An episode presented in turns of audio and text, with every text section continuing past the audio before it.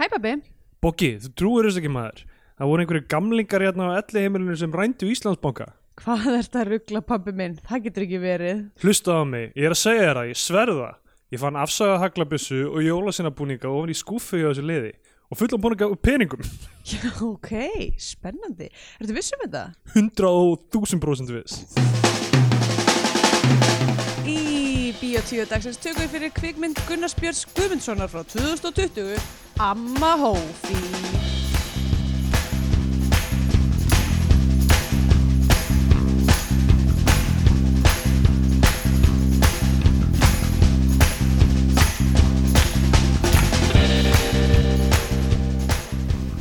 Já,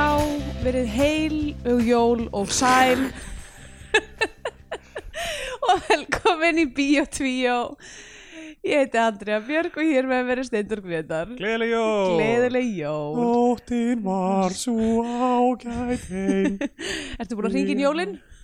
Kling, klang Ó, fyrir ekki. Nei, veitu, hvernig virkar það?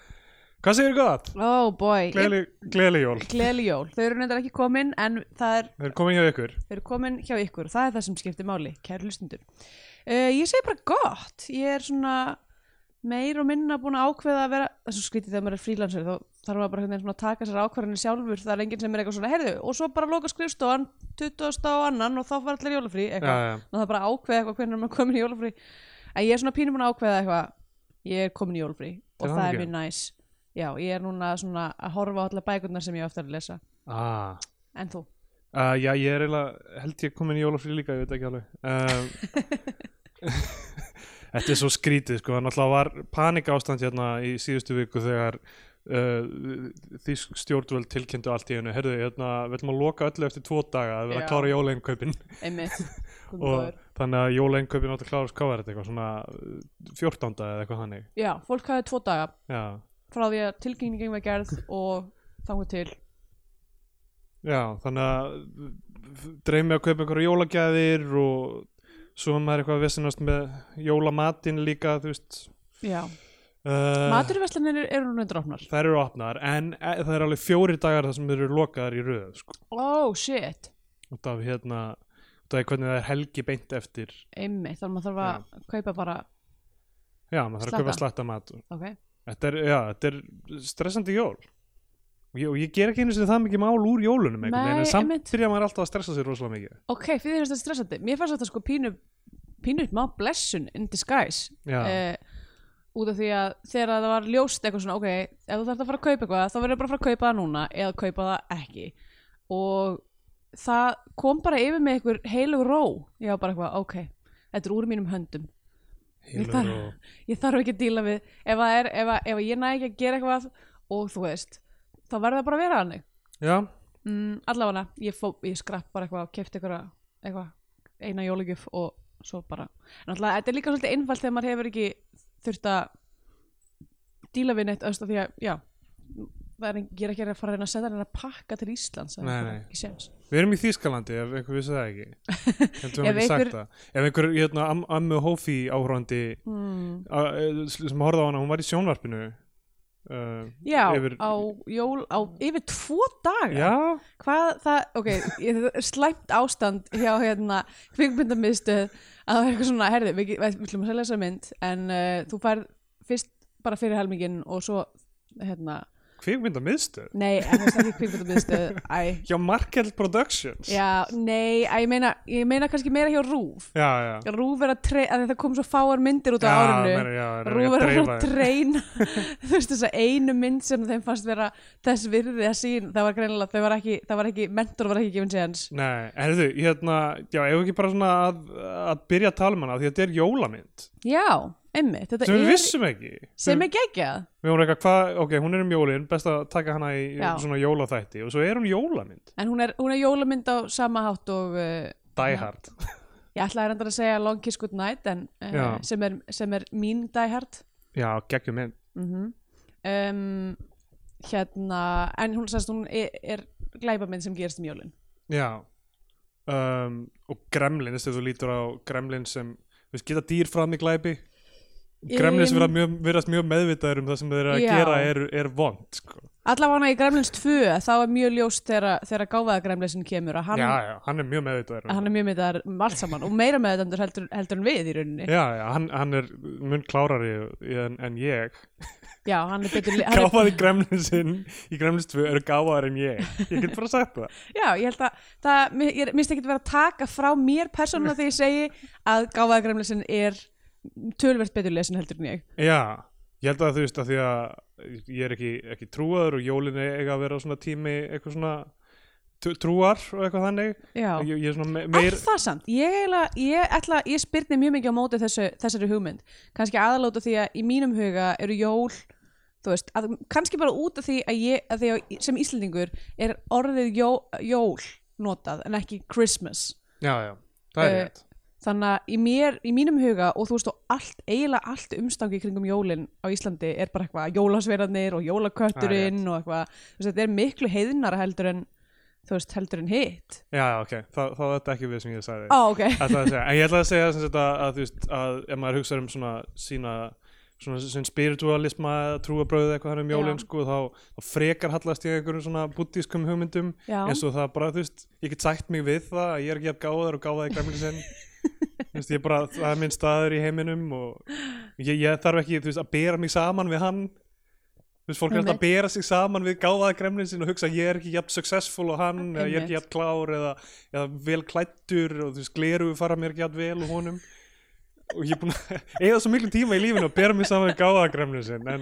En þú ert hér til þess að segja fólki Já, að það það er þarf ekki. leið út algjörlega og maður þarf bara að draga andan djúft og bara og,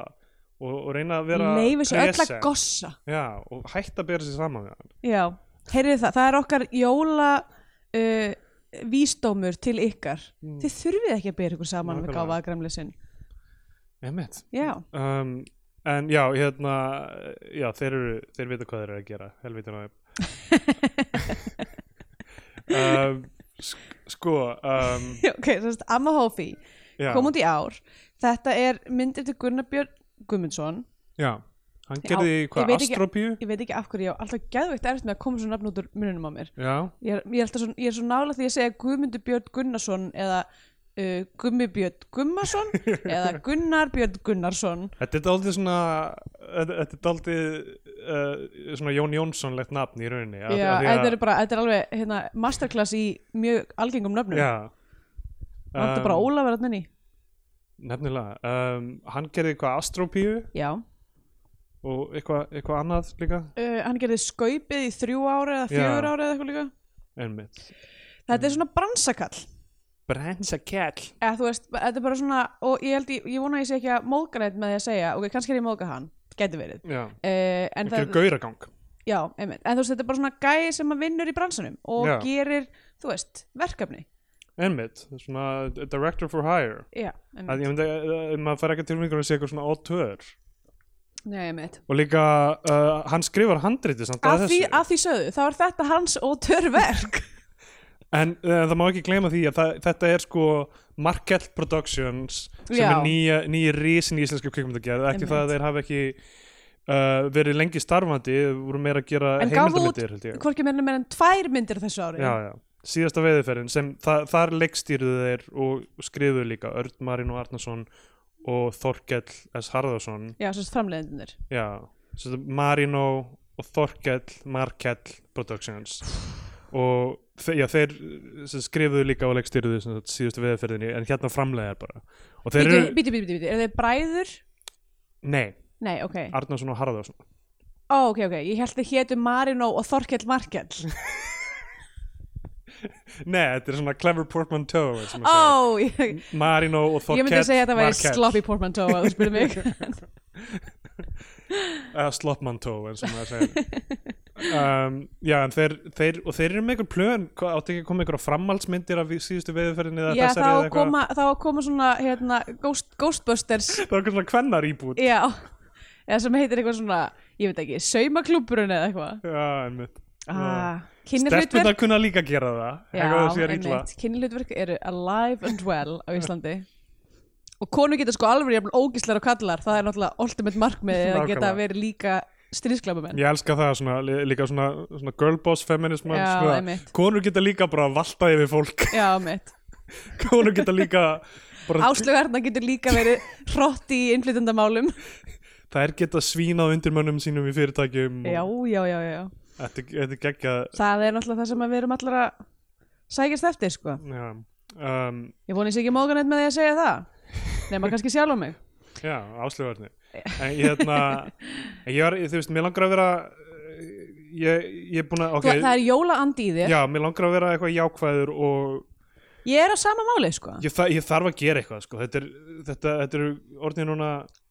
nýju mánuðir af þessu sétti sem við erum að díla við Já,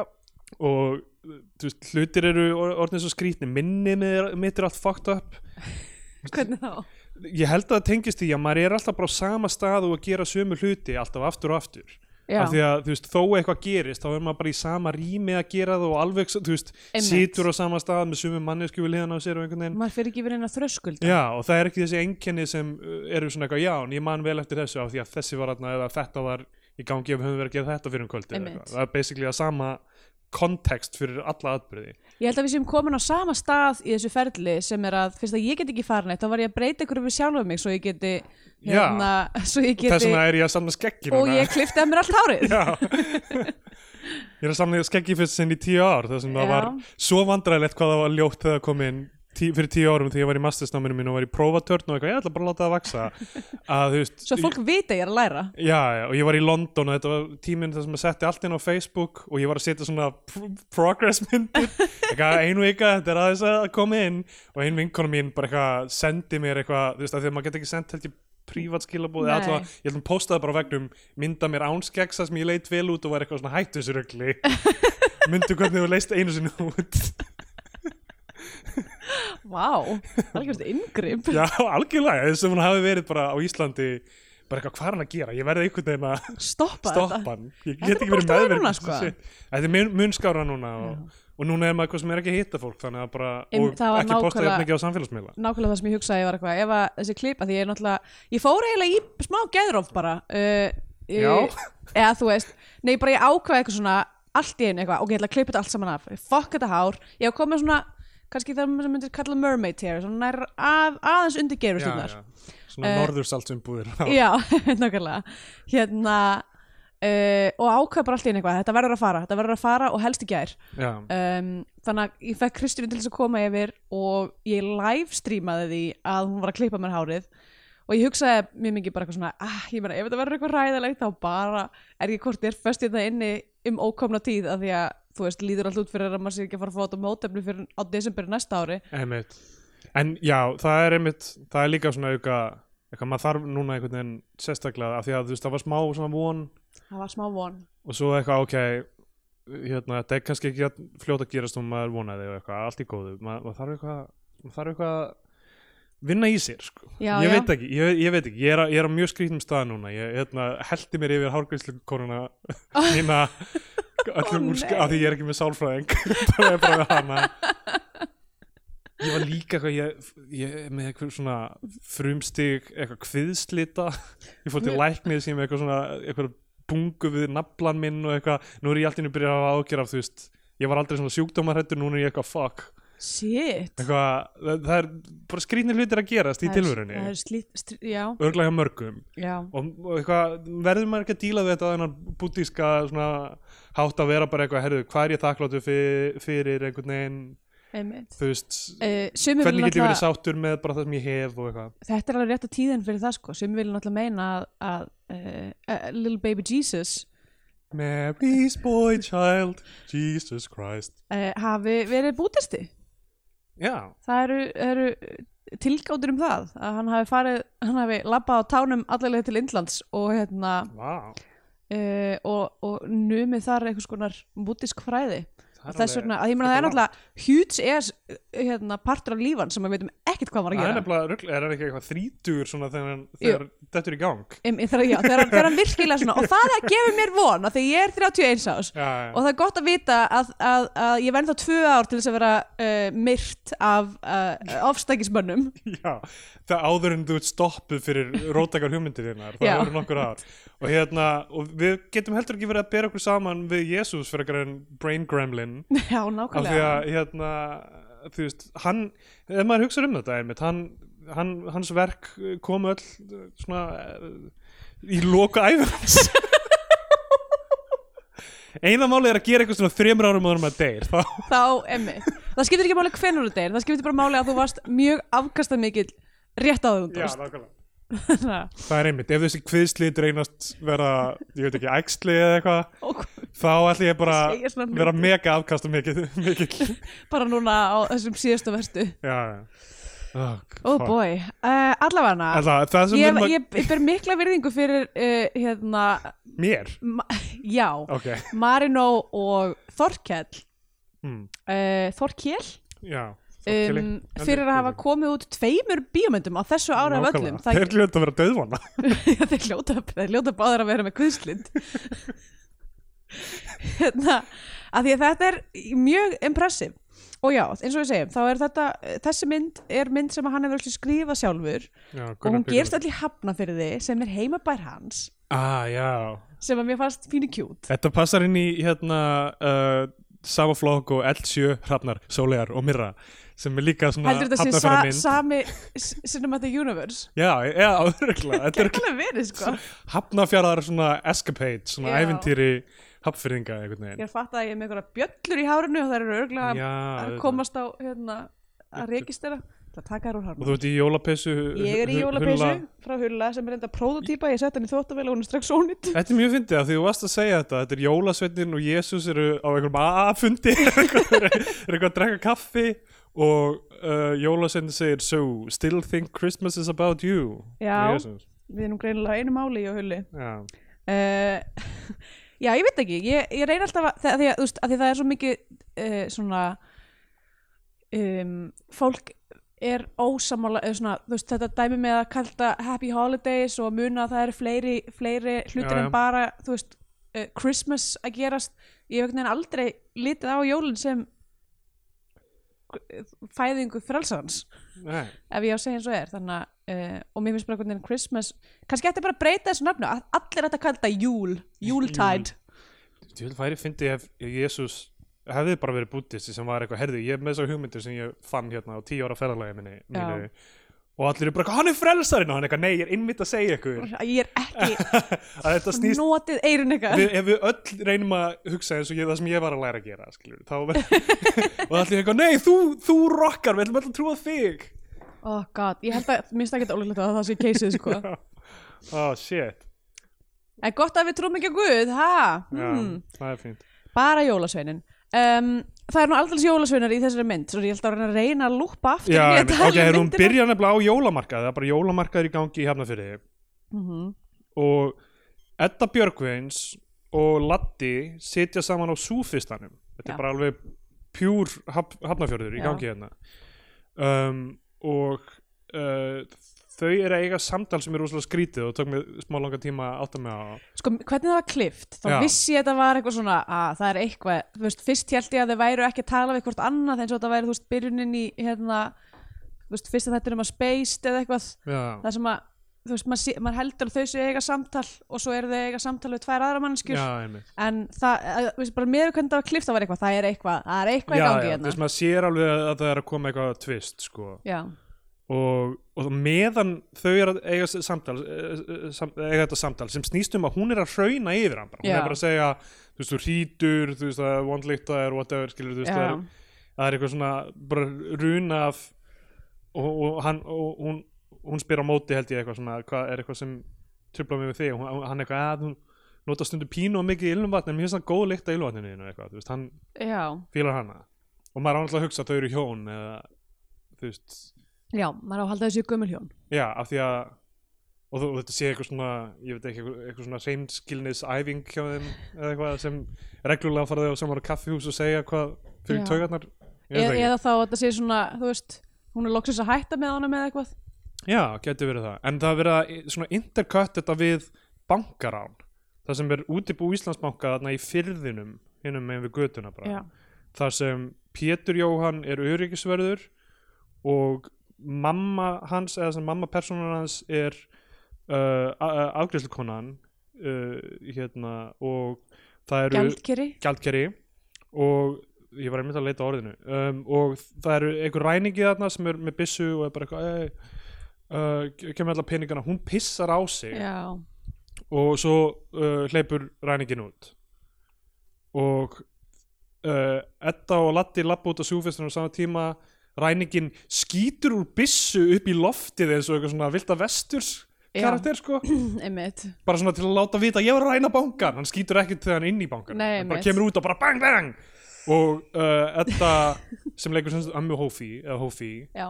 lemur hann með töskunni sinni og hérna stoppar hann já, og þá kemur í ljós sem sagt, þá kemur Gíslaur Garðarsson hlaupandi og það kemur í ljós að þeir eru löggur og þetta var eitthvað svona æfing já fyrir bankarán í og í þessari æfingu er alltaf lagi að hleypa af byssu tvisvar já, sem er það, Stuðlað. það er eiginlega svona það er eiginlega sem er ruggla af því að æfingin lítur bara að varða það sem gerist inn í bankanum en ekki, já, úti einmitt, en þetta var vikingur þetta var Víkingur Kristjánsson eða sem sagt, kannski er það á þetta að vera svona fyrsti vísurinn á því hvað hann er mikill sögður já, hann samt er aldrei skammaður fyrir að hleypa byssunum nei, það er rétt, það, hann er það ekki uh, og raunar er, er bara mjög lítið skammaður sko. já, þannig að sem að þetta er eru mér löggur finnst okkur að fyndi digg á lögguna þetta eru löggur sem, sagt sem uh, er að hjálpa við einhver svona æfingu en samt er það bara svona tvær löggur sem er að Já. gera, gera þessa ba- ég veit ekki hvort þið gera Ég, það, var samt, það var samt alveg eitthvað, eitthvað heilt teimið þarna sem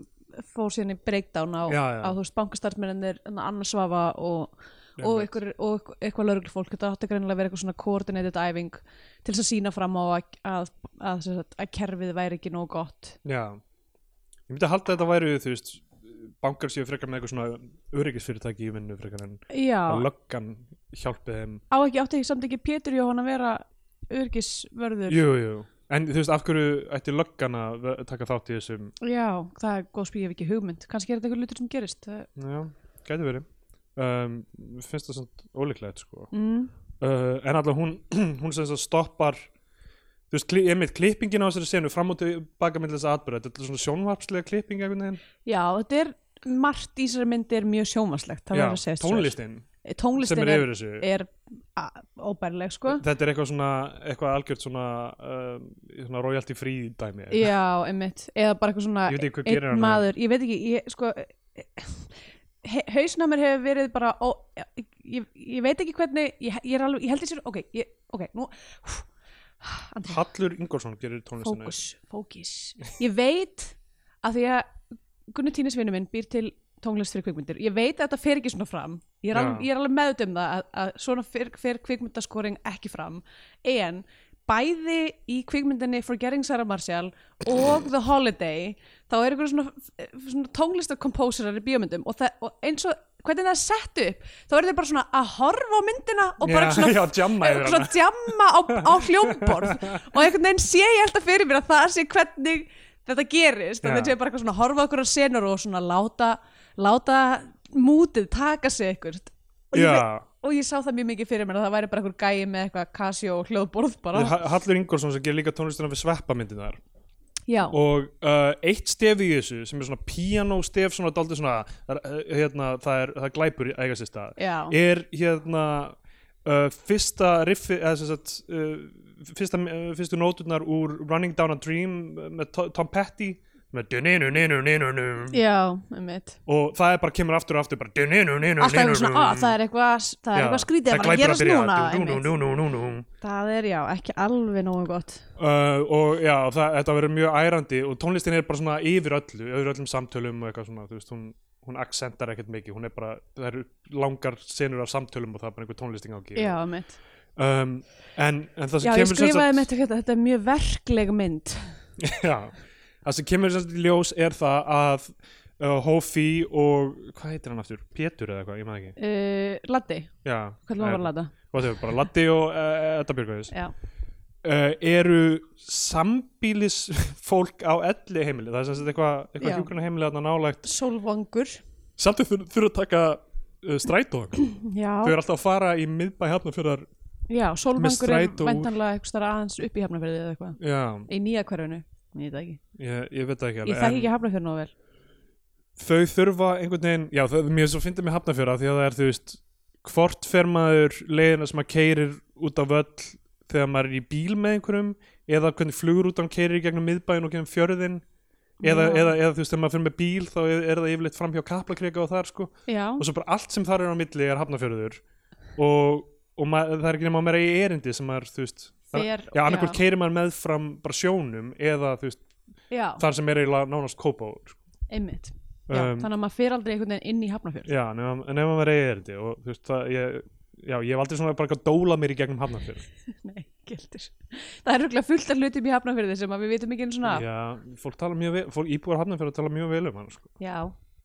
og ég er náttúrulega fallegt þarna niðri við Greinle sjóinn. greinlega, ég meina að þetta er einhver smá óður til hafnafjörðar Já. hérna, þessi mynd glæpa bærin um, en já, sem sagt þau búa þarna á þessu hjúgrunaheimili og eru saman í herbergi án þess að vera Já. par eða hjón það er sem sagt bara, þetta, þessi mynd fjallar um uh, hvernig er farið með gamalt fólk á Íslandi mm, já já, já, já, já eða þú veist ok, það sem að, ég, ég, ég held ég verði bara að koma því að þú veist, áður en við förum ekki um allar þessa mynd mér fannst, þú veist, mér finnst alveg svona solid struktúr og þemu sem að voru ák, eða sem, sem Já. hafa verið tekin fyrir hérna og svo bara úrvinnslan sem að er ábútofun já, já, uh, en þú veist, en mér finnst þetta, þú veist, þetta er alveg þetta er mjög worthwhile hlutur til þess að fjalla um bara, þú veist, hvernig er ástætt á uh, gömlu fólki á Íslandi já. og þú veist eh, en já, svo náttúrulega brána hvernig það er framkvæmt en hérna, en sko það, það er, já, emmi það það er all, þú veist, ég held að það sé alltaf eitthvað sem fólk getur tekið undir sko, Já. það er eitthvað svona bankar eru, þú veist, eh, hafa of mikið pening já, eitthvað, einmitt, uh, fólk það, að elli heimilum ekki einmitt en það vantar samt eh, einhvern veginn aðeins þú veist, þegar við byrjum að skoða þú veist, bakgrunn hennar til dæmis ömmu hófíjar já, þá, þú veist þá er, já, það, það er mjög, það er mjög hann er mjög skrítin, en allavega við komum að því að þér um, þau, þau fara að borða kjötsúpu saman í mötuneytinu og hvart hefur að það sé ekkert, það er ekkert kjöt í henni já, Sveppi er sem sagt svona eini starfsmæður allir já eitthvað, hann, hann er svona uh, og þau eitthvað er að rífast við hann um og þessi hann er ykkur kjötsúpu. algjör sokkur og er sonur uh, hvað, ég veit ekki, hvað, hvað myndi vera uh, framkvæmt að stjóra elli heimilsins er hann líka sonur hans, af því að Steindi Junior er sonur hans, já, ég, ég held að þeir eigi að vera bræður ég átta mig, þá er einhver ein sena sem ég- gæti að komið fram en en það er, eitthvað, það er eitthvað mjög skrítið með já, ég skil ekki alveg þessa fjölskyldu ég minn held að það væri kannski bara vinir eða eitthvað en ha- ef- á sveppi að vera sonur Þorsteins Guðmundsson ég veit það það getur alltaf verið en alltaf að Steindi Junior er pottið sonur Stein- Þorsteins Guðmundsson um, og hann er svona þú veist svona vondi ellheimil starfsmæður sem er þú veist já, hann er alltaf bara að stela hann er bara peningum að stela peningu eitthvað svona. af, en hann á líka að vera bara eitthvað svona algjör hérna um, fáiði, eða þú veist, já, eitthvað svona rehabilitated, eitthvað þú veist, hann er alltaf að stela líka livjum einmitt. en þetta finnst mér sko þetta er náttúrulega líka í þarna börn já, sem er svona mitt eitthvað hjúgrunafræðingar að þú veist eitthvað stela livjum og Já, svína á gömlu og fólki líka í eitthvað svona. gullregn einmitt, þú veist, hvað er þetta alltaf, skilur, Hva, Já. hvað vandamáli þetta sem í- íslenskum, þú veist, Æ, ég meina sko, hvernig ég, að gera mönnum held- finnst já, ég, ég meina þetta er náttúrulega algjör klísu karakter, sko, svona einhver dörtbak já. starfsmæður elliheimili, sko en þú veist, það er ekki allir, það er ekki allir sem eru dirtbags, þú veist, yfirleitt er þetta eitthvað svona, ég er, ég er neitt til þess að vera að gera þetta já, já, ekki í gullreg en það, jú, Nei. það er þannig í börn, jú um, já, sem er sami, sami legstur Já. og gullreg einmitt uh, En hérna, þetta er kannski, ég veit ekki hvort þetta sé eitthvað stort vandamál í Íslandi Ég nei, nei, meina, einhvern- auðvitað ekki, who cares, skilur ekki, eða þú veist, ég veit ekki ef þetta væri mjög algjörst, ég menna fólk spyr sig hvernig læknadóp kemst á marka á Íslandi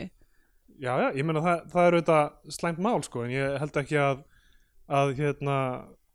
ég ég meina já, ok, hvernig það gerist er ekki sorry, kö- kötturinn þinn er að að- ég er að són út að horfa á hann, sko, ég veit að hann er svo tignalegur sko þannig að það who cares, sko, hvað var ég að segja, skilur ekki máli uh, já, það sem ég er að segja er að þú veist, ef þetta á að vera eitthvað svona uh, eitthvað að skoða aðstæður gamals fólks og eitthvað í þeirra plási, þú veist, mér finnst þetta ekkert eitthvað mjög vók, eitthvað nei, nei, nei, hvað hjúgrunarfræðingarnir er aldrei að stela þeir sem stjórna hjúgrunarheimilunum eru bara einhverjur assholes líka og fara ítla með þau og eitthvað já, einmitt ég, ég, ég held að svona almennt já, einmitt, á- einmitt á þessum í ár sérstaklega er maður að hugsa um heilbriðstarfsfólk sem eitthvað einmitt, svona framlínu nákvæmlega eitthvað Já, ég held að það sann sko fólk eigi sem að setur sig í vera hættu fyrir aðra aktúal þema í hérna þessari mynd að Já. þú veist að svona complacency hjá uh, hjá yfirmönnum að því að þú veist þetta gerst allt bara í, í skjóli þess að Þorstein Guðmundsson sem að er yfirmaður þess að elliheimilis já, er bara eitthvað eh, þú veist, honum er bara drull emmið uh, og það er sama eiginlega í gangi í bankanum þar sem að Anna Svafa og, og Pétur Jón eru bara eitthvað, "Nei," það tekur engin ábyrð og það er allir einhvern veginn svona, þú veist, þeir sem eru í áhrifastöðum Já, já. í þessari mynd eru einhverju sokkar já, nema hjá lögguna sem gísluverðin vil bara fylgjast með öllu sko. Já, nema hann er samt líka, þú veist, hann gerir ekki neitt að viti nei, nei, og hann líka, þú veist, hann líka breyðir yfir, þú veist, á sama hátt og hérna uh, annarsvafa gerir með Pétur Jóhann þar sem hann afsakar það að hann hafi ekki verið til staðar til þess að stöða bankaránið já, og hvernig Þorsteinn er bara eitthvað svona þú veist, veit að, að Pétur Jóhann er að ræna fólk og er bara ég eitthvað seppi, já eða sveppi, já, Já. e, og er alveg sama að þá er sem sagt hérna, þegar að jó, eh, vikingur hérna uh, á að sem sagt, hann brýtur umferðarlög og eh, það er eitthvað, er Já, hann að fá já. okkur, þú veist Við erum- tíu brot eða eitthvað við erum að koma að því, ég Já. er bara að tala um það að því að, að þá, þú veist, að þá bara sópar hann í- eða þú veist, hann er Já, bara, bara já. herðu, við þurfum ekki að díla við þetta það, er, það er alveg góða punktur mér finnst bara dálítið fyndið að þessi mynd kom út á þessu ári og aðalpersonar eru heilbriðstafsfólk og lögreglumenn Já, og, og ég er bara eitthvað svona, já, þetta er ekki ok, þa- þetta, þetta er góða punktur ok, það er verið að, þú veist sópa einhverjum vandamálum undir teppið en uh, þetta, þetta er svona smáur takt við samtíman myndi ég segja, kannski, já, en ég meina þú veist ég, ég, ég vænti þess að, að, að uh, framlendur þessar myndar hafi vonast til þess að hún myndi lifa lengur en þetta ár já og ég menn hún var náttúrulega gerð áður en, þú veist, Já. hérna allt fór í gang ok, sem sagt, vikingur er að keira einhvers staðar sæbrautin eða eitthvað, hann sem sagt á sama tíma Hann er að tala í síma á er meðan að hann keira og frætt að tala í síma og fer yfir á rauðu Já, og við vitum að hann fyrir yfir á rauðu af því að uh, við sjáum að fara yfir á rauðu og svo er st- f- uh, einhverja stelpur sem standa við gangbrautina og segja hann fór yfir á rauðu og svo fáum við topshot úr öryggismyndavélinni Já, já. þar sem hann horfir beint í öryggismyndavélina á meðan hann fer yfir rauðu Já, með s- símann í höndinni Já. þannig að þú veist það er verið að vera show and tell sko. þetta er alveg next level kveikmyndagerð og hérna um, svo sem sagt um, uh, e- er þetta atrið það sem að hann er að tala við gíslaugurinn yfirmann sinn eftir að hann kemur, kemur e, aftur á lauruglustöðun og þá er búið að líma mynd af honum sko. Já, en það, eh, hérna, það, það sem bara starfsmennir eru að gera grínaðunum fyrir að hafa verið böstaður fyrir þetta já, og Gíslaur vil sopa sig undir teppið en Víkingur vil vera heiðalegur og bara, herðu, ég ætla að klippir eigið aukuskýrtinni já, þannig, ég, þú veist, ég er smá í ruggli með þann karættir já, um mitt hvað, þú veist, af því hann er óhæfur en fullkomlega En hann er, hann er heiðalegur heiðalegur en samt er hann gaur sem kerir og hratt yfir á rauðu Já, um mitt, með farsíma já Hann þú veist, þannig að hvað er er, bara komplex karakter r- hann mjög hann er ekki þrývíður, sko, hann er einhvers þar í fjórðu vittinni þessi maður sko. um, og uh, á meðan eru þau sem sagt á elliheimilun að rannsaka sem sagt þetta þennan kjötstuld sveppa því að hann- sveppi er sem sagt, hann, hann sér um allt á þessu Já. elliheimilun hann eldar matinn greina líka honi þau og hann í staðan fyrir að setja kjötið í kjötsúpuna þá felur hann það til þess að selja á svörtumarkaði Já. Ég veit ekki. að borða sjálfur þau eru svona, þau eru svona ná að böstan við það einhvern veginn, Já, uh, Edda og Latti á, Um, ég alveg mista því já, þau eru eitthvað að horfa út um gluggan og það er eitthvað kjötsending og svo fara þau það sem hann er eitthvað með drisa pók af kjöti og Já, uh, allavega uh, svo er það að horfa á sjónvarpið og þar eru sko uh, hérna hún Marja Sigrun já, Hilmarsdóttir já, um fréttamaður mitt sem ég veit að þú elskar að, Já, að já. sjá að flytja texta sem er ekki, ekki fréttatexti Já. Jónas Kristjánsson ringsnýst í grö, gröfinni af því að hann er svo illa skrifaður uh, að hérna að hún er sem sagt fyrir með þrjár fréttir í röð sem eru bara fyrst eitthvað hagnaður bankana er meiri en bara frá fyrir hrun Já, Uh, þú veist, þetta er basically textin bara eitthvað, hagnaður bankana er alveg rosalegur næsta frétt, uh, það er mikill niðurskurður á ellihefilum núna þriði frétt Uh, já, þriðja frétt, uh, það er verið að loka hérna sumarbúðum fatlara eða eitthvað, segir hún síðan Á, ok sem er síðan, þú veist, callback í lokin það sem hún endar á því að gefa alltaf bankarhans peningana Já, í- já, já, sem hún einmitt. safnaði í sumarbúðir Einmitt. fatlara eða, þú veist, held ég Já, Já, þetta, sko ég var nefnilega, þarna byrjaði ég að vera svona pínu pyrruð, út af því að þú veist, þetta var bara einstaklega slopp í sena já, og þú veist, bara mjög, þú veist, það var bara þú veist, þú veist að horfa á eitthvað handrit struktúr fyrir fram eða þú veist, eitthvað svona, ok, ég þarf að koma þessu inn einhvern veginn já, já, þetta er ekki leiðin til að gera það já. ég veit, ég, veist, ég er ekki að fara að segja þér hvernig átt að gera það en bara, þú veist þetta er það sem að, að því, það pyrraði mig sérstaklega út af því ég var eitthvað svona ok, þetta er, þú veist, fýtt struktúrirna sem er eitthvað sem við getum ekki sagt oft um íslenska bíómyndir þú veist, það er þetta er allavega mjög, mjög svona clear hvað þessi mynd á að vera og ef hún hefði bara verið aðeins betur skrifuð það hefði þetta kannski geta verið eitthvað, þú veist meira en það sem þetta er já, já. Þú veist, ég er ekki að setja sér einhver, einhver hérna, þú veist Þessi, ég, með, þessi mynd er ekki ég myndi ekki segja þú veist, hún er ekki of, einhvern veginn svona offensive eða eitthvað þannig hún er ekki, nei, hún er ekki svona eitthvað, ó, finnst fólki þetta fyndið það, það sem meiri tökunar á mér er þú veist uh, að uh, sko hvernig hún byrjar líka, þú veist, við erum að sjá þarna klift á milli bankaránsins og, og eddu og latta og eitthvað þessi mynd heitir Amma Hófi Mhm. gefur til kynna í fyrsta lagi þú veist að það að hún sé amma skipti einhverju máli í þessu einmitt en þú veist bara hún sé gömul í rauninni já þetta er svona gömul kona sem byrjar að fremja glæpi Mhm. uh, mér finnst það ekkit ve- rosalega vel undirbyggt og ég, ég mun aðeins ég er með smá, smá rand um þú veist ok, hvernig uh, sem sagt uh, hver hen, hvert hennar motivation er í þessari mynd er mjög sloppy sko. en, en svo er það líka bara ef þetta á að vera svona brandara vehicle ef þetta á að vera bara við erum ekki að fókusa á hana- þessa aðalpersonu þessa Amma Hófi sem er, Nei. þú veist, Latti er alveg jafn mikill aðalpersona þannig séð, Einmitt. þú veist sem er það eiginlega gerir alltaf leiðilegt sama og hún af því að Edda gerir sér actually mat úr hlutunum algjörlega, Nú, veist, sem, sem að var annað, mér finnst allir leikararnir eiginlega vera bara mjög mikið þarna fyrir eitthvað paycheck sko. já, það, þú veist það er, það er bara erfitt síðan að vinna með sko já, en það málega var- er það að hún gerir það hún, þú veist, allt sem að hún gerir í sínum, sínum þú veist, senum sem eru ekkit eitthvað, það er ekki mikill matur þarna, Já, en þú veist, hún er eitthvað alltaf með eitthvað svona, einhvern varasalva og er alltaf eitthvað svona mjög fyndið að setja varasalvuna á Já, sig og já. eitthvað, þú veist, hún tekur það litla sem hún hefur og gerir eitthvað úr, úr því þess vegna er hún geitin Einmitt. en, það, ég, það, ég- það, það, mér finnst þetta mjög fyndið með varasalun sko, af því að einhver, einhvern tímann heyrði ég með Brad Pitt að hann er eiginlega að borða í öllum senum og þú veist Já. bara taka eftir í þau orðið næstu mynd með Brad Pitt að bara alltaf að henda einhverju í munnin á sig já og það gerir svo ógeðslega mikið Já, stundum, þú veist stundum er það bara það sem að- maður þarf að fá eitthvað til þess að vinna með Já, um, Kissi en það sem, sem, hérna. sem, Bakkelsi það sem kemur í ljós og þetta er, og þetta er það sem er daldið skrítið við þetta dæmi er að hún fer í bankan, hún er allt í hennu bara eitthvað þú veist, hún er orðin pyrruð ætlið mér hún er bara, heyrðu, ég ætla að uh, kaupa mér íbúð eða eitthvað, segir hún og, og það er ekki og mér, mér finnst það mjög skrítið af því að hún er á þessu ætlið heimili Einhvern veginn komst hún þangað einhvern veginn komst hún þangað en maðurinn hennar dó fyrir einu ári eða þú veist hún, hann dó 2018 sem mynd tekin upp 2019 og kemur upp 2020 maðurinn hennar tiltúla nýtt dáin þannig að maður verður að hugsa annarkvort uh, voru þau bæði á elli heimilinu við fáum einhverja upplýsingar um það held ég þau voru bæði saman á elli heimilinu eða hann dó hún lendi bara beint á elli heimili við fáum að vita að þú veist, þau eiga allavega eitt batn ef ekki fleiri þó við hittum reyndar aldrei það batn og, og, og svo hittum við batnabatnið hennar Já, einmitt þannig hún á fjölskyldu einhvern veginn lend, lendur hún á elli heimilinu og a- meðan hún held að hún ætti fullt af pening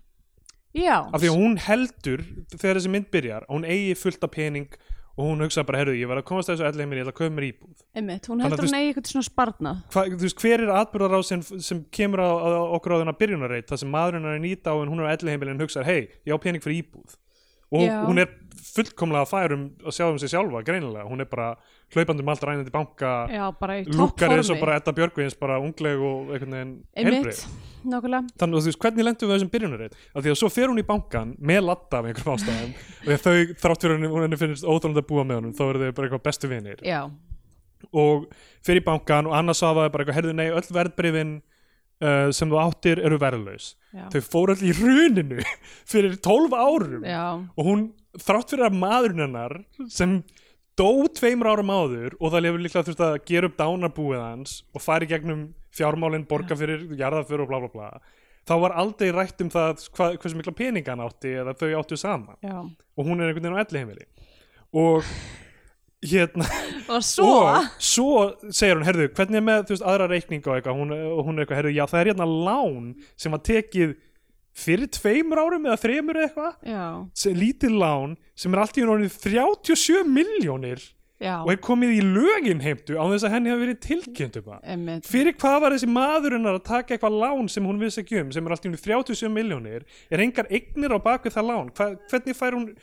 fær hann lán, það, þú veist, við erum að tala um millir 2018 og 2020 er ekkert eitthvað rosa verðbólguskeið það, þú veist, þetta er líklega verið óvertritt lán af því að það, fólk var að færa sig yfir það mætir 2018 fjármála sérfræðingurinn þú veist, hvað var í gangi þegar þetta lán var tekið, hvaða við lága baki því, þannig að það var alltaf 37 miljónir og hækkaði svona mikið á tveim hvað er í gangi? Ég veit að Jón gati ekki hætt sko, hann horfði með mér á hana og hann gati ekki hætt að minnast á þessu 38 Já, af, miljonir. já, af því að síðan í lokmyndinar þá er hún bara búin að gleyma því Ég veit það. þess að þið- þess að þetta risa lán sem er bara komið í lögin heimtu á bara einhvern veginn að rústa lífin hennar, Já. það bara hverfur út um Og svo myndinni líka, þú veist, ég, ég stakk upp að ég var eitthvað, ok, kannski er henn alveg sama því hún bara deyr frá svo láni. En þá erfist það. greinilega, þú veist, af því að ég, þá, ég, ég man ekki hvernig það virkar með þú veist, maka, ég líklega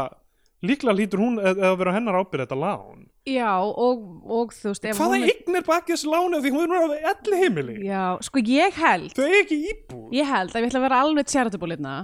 þá held ég að það eigi að vera karakter sem er sonurinnar, sem á að vera eitthvað dirtbag, en hann er ekki þarna. Já, ég held nefnilega að það myndi kannski koma í ljós einhvern veginn að Steindi var í eitthvað sonur hennar eða eitthvað, þegar Steindi er eitthvað glæpamaður hann, Já. en það var, það var ekki þannig Nei. sko ég held að þessi hugmynd sem kom upp svona 2009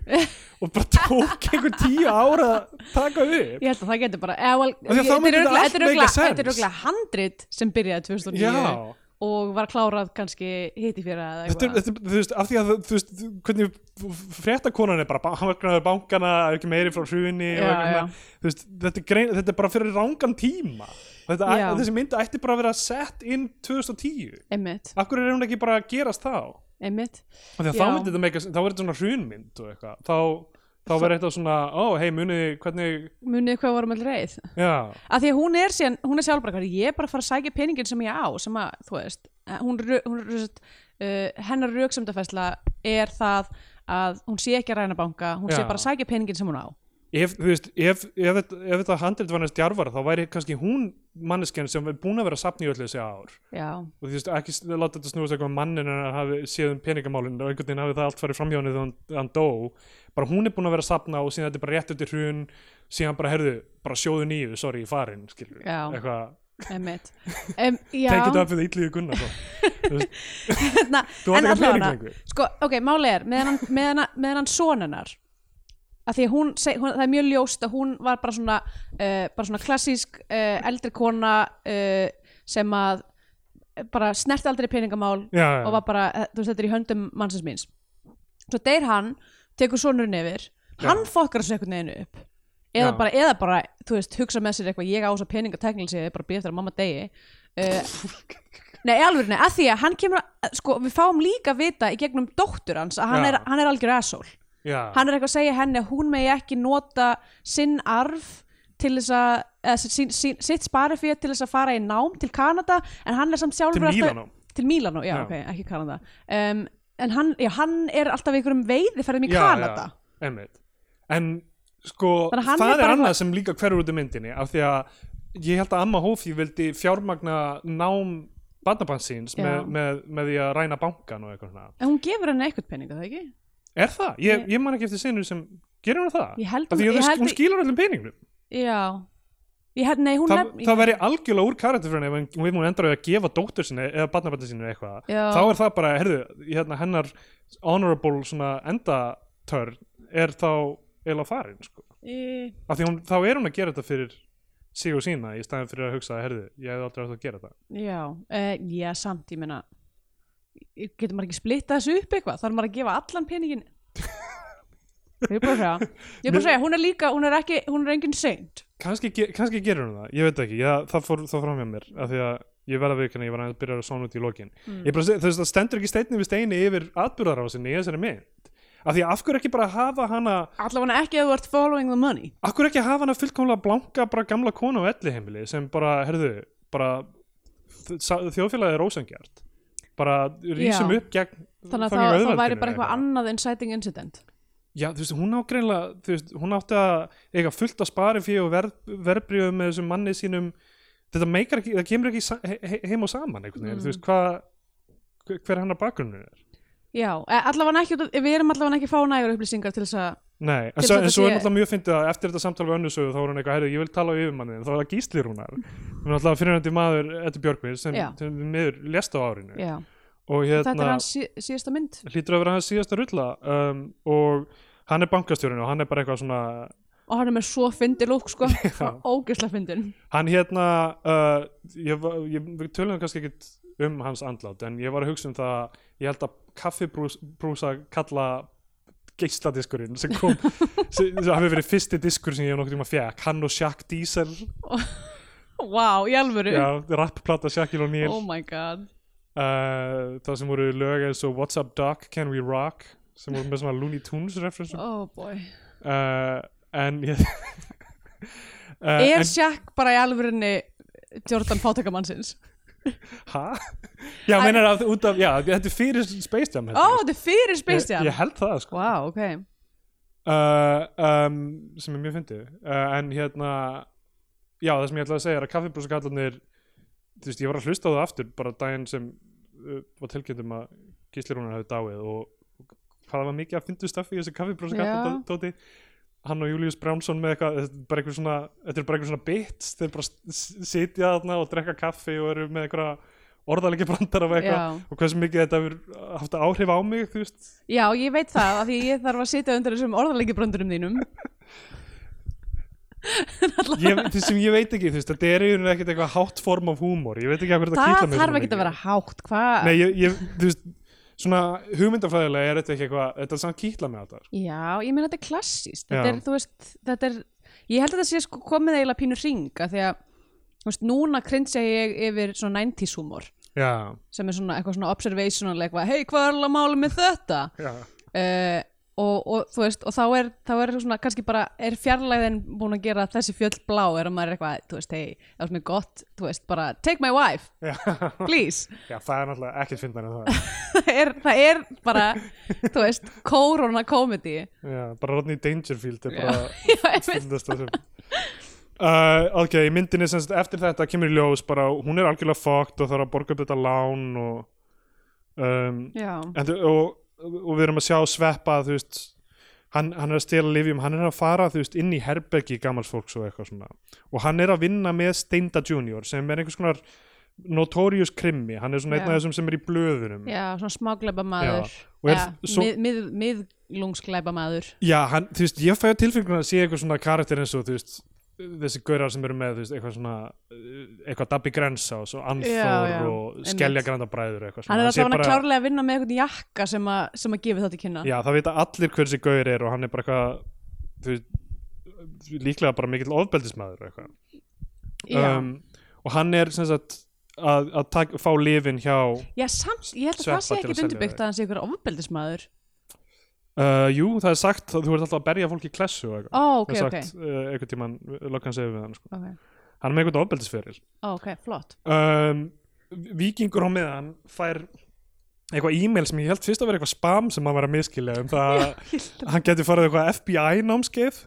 hann vil geta mikið að fara á FBI námskeið í bandarækjunum og uh, nefnir það við Gíslaörn og, og Gíslaörn er eitthvað svona hérna, herðu um, uh, já, ok, eitthvað, eins og hann hafi ekki pælt í því sjálfur hann, hann, hann byrjar að svona plotta hvernig hann geti sjálfur farið á þetta FBI námskeið Já, og endar á því að segja herðu uh, þú verður að taka við sem yfirmaður í einhver tíma já. Af Á, hverju- á, á, þessast, hann, hann er rauninni gerir eitthvað svona bait and switch þar sem að, sem ég held að þessi það sem það þýðir. já, uh, þar sem hann er eitthvað svona, heyrðu, hvernig myndi þér uh, hvernig myndi það hljóma fyrir þér að vera yfirmaður í smá stund? já, það- af því hann allar í frí Já, Eða hann, hvað? hann s- segir eitthvað svona, þú veist ég man ekki hvernig þetta er orðað en allavega og fær viking til þess að segja já, já. og og svo segir hann að það þýðir þú kemst ekki FBI já, námskeið þannig að við verðum Kannski víst ég fari bara senda sjálfur, einhvern- já, já. mitt nákvæmlega Kötturinn þinn er að stara svona rétt fram hjá allindir mínu Það er eiginlega eins og þessi að stara á mig en það er bara svona smá off Ég held að sé, ég held að sé dúfa fyrir aftan þig Já, ok um, Sorry um, hérna uh, mér, eh, af því við vorum að tala um Marino Abramovic það hefði verið svo fyndi ef hún hefði verið að þú veist, ef hún sat hann á móti fólki Já. hún hefði bara svo aðeins sortið hliðar og allir eitthvað svona að reyna að angla einhvern Eitthvað, veginn haustu hvað- sínum eitthvað, af hverju hvað er hún ekki að horfa gerst? beint á mig uh, uh, já, ok, sem sagt um, og hann, Ok. hann, hann kemur í þannig fyrir að vikingur verður og það, það, þannig að það lendir í hans höndum að þurfa að rannsaka þetta bankarán sem er að fara að ge- gerast Já. hvað hva, hva, hva er okkur landin í þáttinn allavega, bankaránið er svona þú veist, kjötið af, þessum, þæ- eh, af þessari mynd sko. Já. og já, af því við fáum vita líka að, uh, badnabarnið hennar þarf pening fyrir námi og eitthvað svona og segir þetta með að pappi hennar sé alltaf í veiðiferðum þannig að þú veist d- ho- eh, sem sagt, amma Hófi segir bara heyrðu, hérna, veistu, ég ætla bara að ræna bankan Já, Ég ætla, þa- þannig ætla ég að hefna mín og Latti er bara strax bara ég er með Já það þarf ekkert að sannfara hann, hann er bara en hann, hann, það er náttúrulega búið að ge- sem sagt sína það að hann er bara svona jámaður hann, Já, já, já. já. hann er jákvæður og til í allt en það er samt, mér finnst eiginlega þú veist, hvernig hann segir eitthvað svona, herru já ég er bara til í það það e- e- Nei, það hefði mátt ge- gefa því kannski einsetningu viðbútt já, já. en þú veist, mér, mér finnst þetta alltaf fyndið og, ég- og pæla oft í þessu með Þú veist, af því að hans heila game er að hann vill bara eitthvað, hann er imman, hann vill bara hanga með, þú veist, hann bara ánaði með hann vinn Já, þessi, hann er bara gett þannig að þú veist, það hefði mátt vera bara eitthvað comedic moment, Já, að hann sé nefnilega. eitthvað svona ok, reyndar ólulegt að reyna, reyna banka en ég meina, maður vil ekki missa þessu eða eitthvað, þú Nei, veist við bara gera það saman, við tvö Já, Bara- sa, við vinnirnir saman við, að reyna við banka við saman ræna banka Ég- það er nokkuð glötu tækifæri fyrir brandara í þessari mynd Já, um, hefði mátt hafa eitthvað svona punch-up session til að reyna að ég tróða var, fleiri mynd hugsaði það nákvæmlega sama en, en já, ég ætlaði að segja með hérna um, uh, já um, nei, ég- já, með gamalt fólk í, af því þetta er svona klassíst minni svona, þú veist, eitthvað svona bad grandpa, Já, já, eitthvað, einmitt. dirty grandpa uh, þú veist, ég veit að Monty Python brandarinn þarna,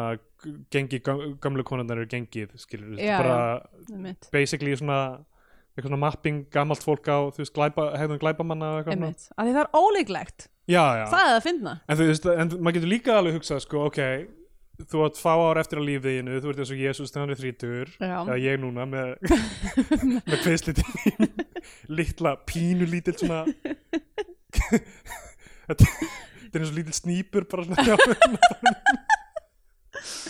Ég held að vera að lítið á þessu blessun nokkulega, það er líka mjög gott að snerta þetta. Um, Ég voru íhugað á þessu spölu bara að þér sé að vaksa snýpur Svíl væri það nett maður. Það væri gegg, ok, ég get bara að tala fyrir sjálf með en það er geggjað sko Ekki að vera með snýp. Já, Um, en hann hérna, það en er já, toppur að vera tvítóla það er toppurinn að vera tvítúla.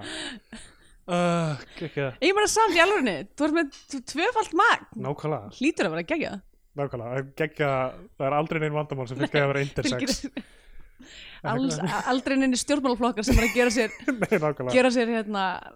mat úr, úr þú veist, þínum persónulegu högum Þessi stjórnmálamenn sem eru alltaf að tala svona mikið um intersex fólk, þeir eru augljóslega með hagsmunni intersex fólks í huga, þeir eru ekki að reyna að slá neinar pólitíska keilu Oh my god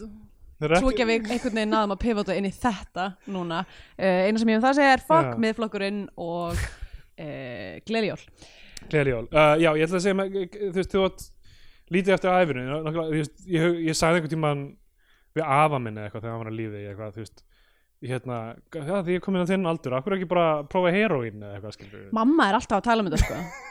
Og Hún ætlar bara að fara, fara í ykkur algjöra, algjöra botnæðum þegar hún er hún gegn Já, af hverju ekki, þú veist, af hverju er ekki fullt af gamlu fólki sem eru bara einhverjum svona ISIS glæpamenn fyrir sínar hugssjónir, sko. Já, Ég ætla- meinar, þannig Æ, Ég Eitthvað held að svona- maður væri bara svo þreytt Já, Ég er miklu, ég er fleiri, að fara, miklu, ég ætla miklu bara, fleiri sem eru bara eitthvað Ég ætla að prófa ópíum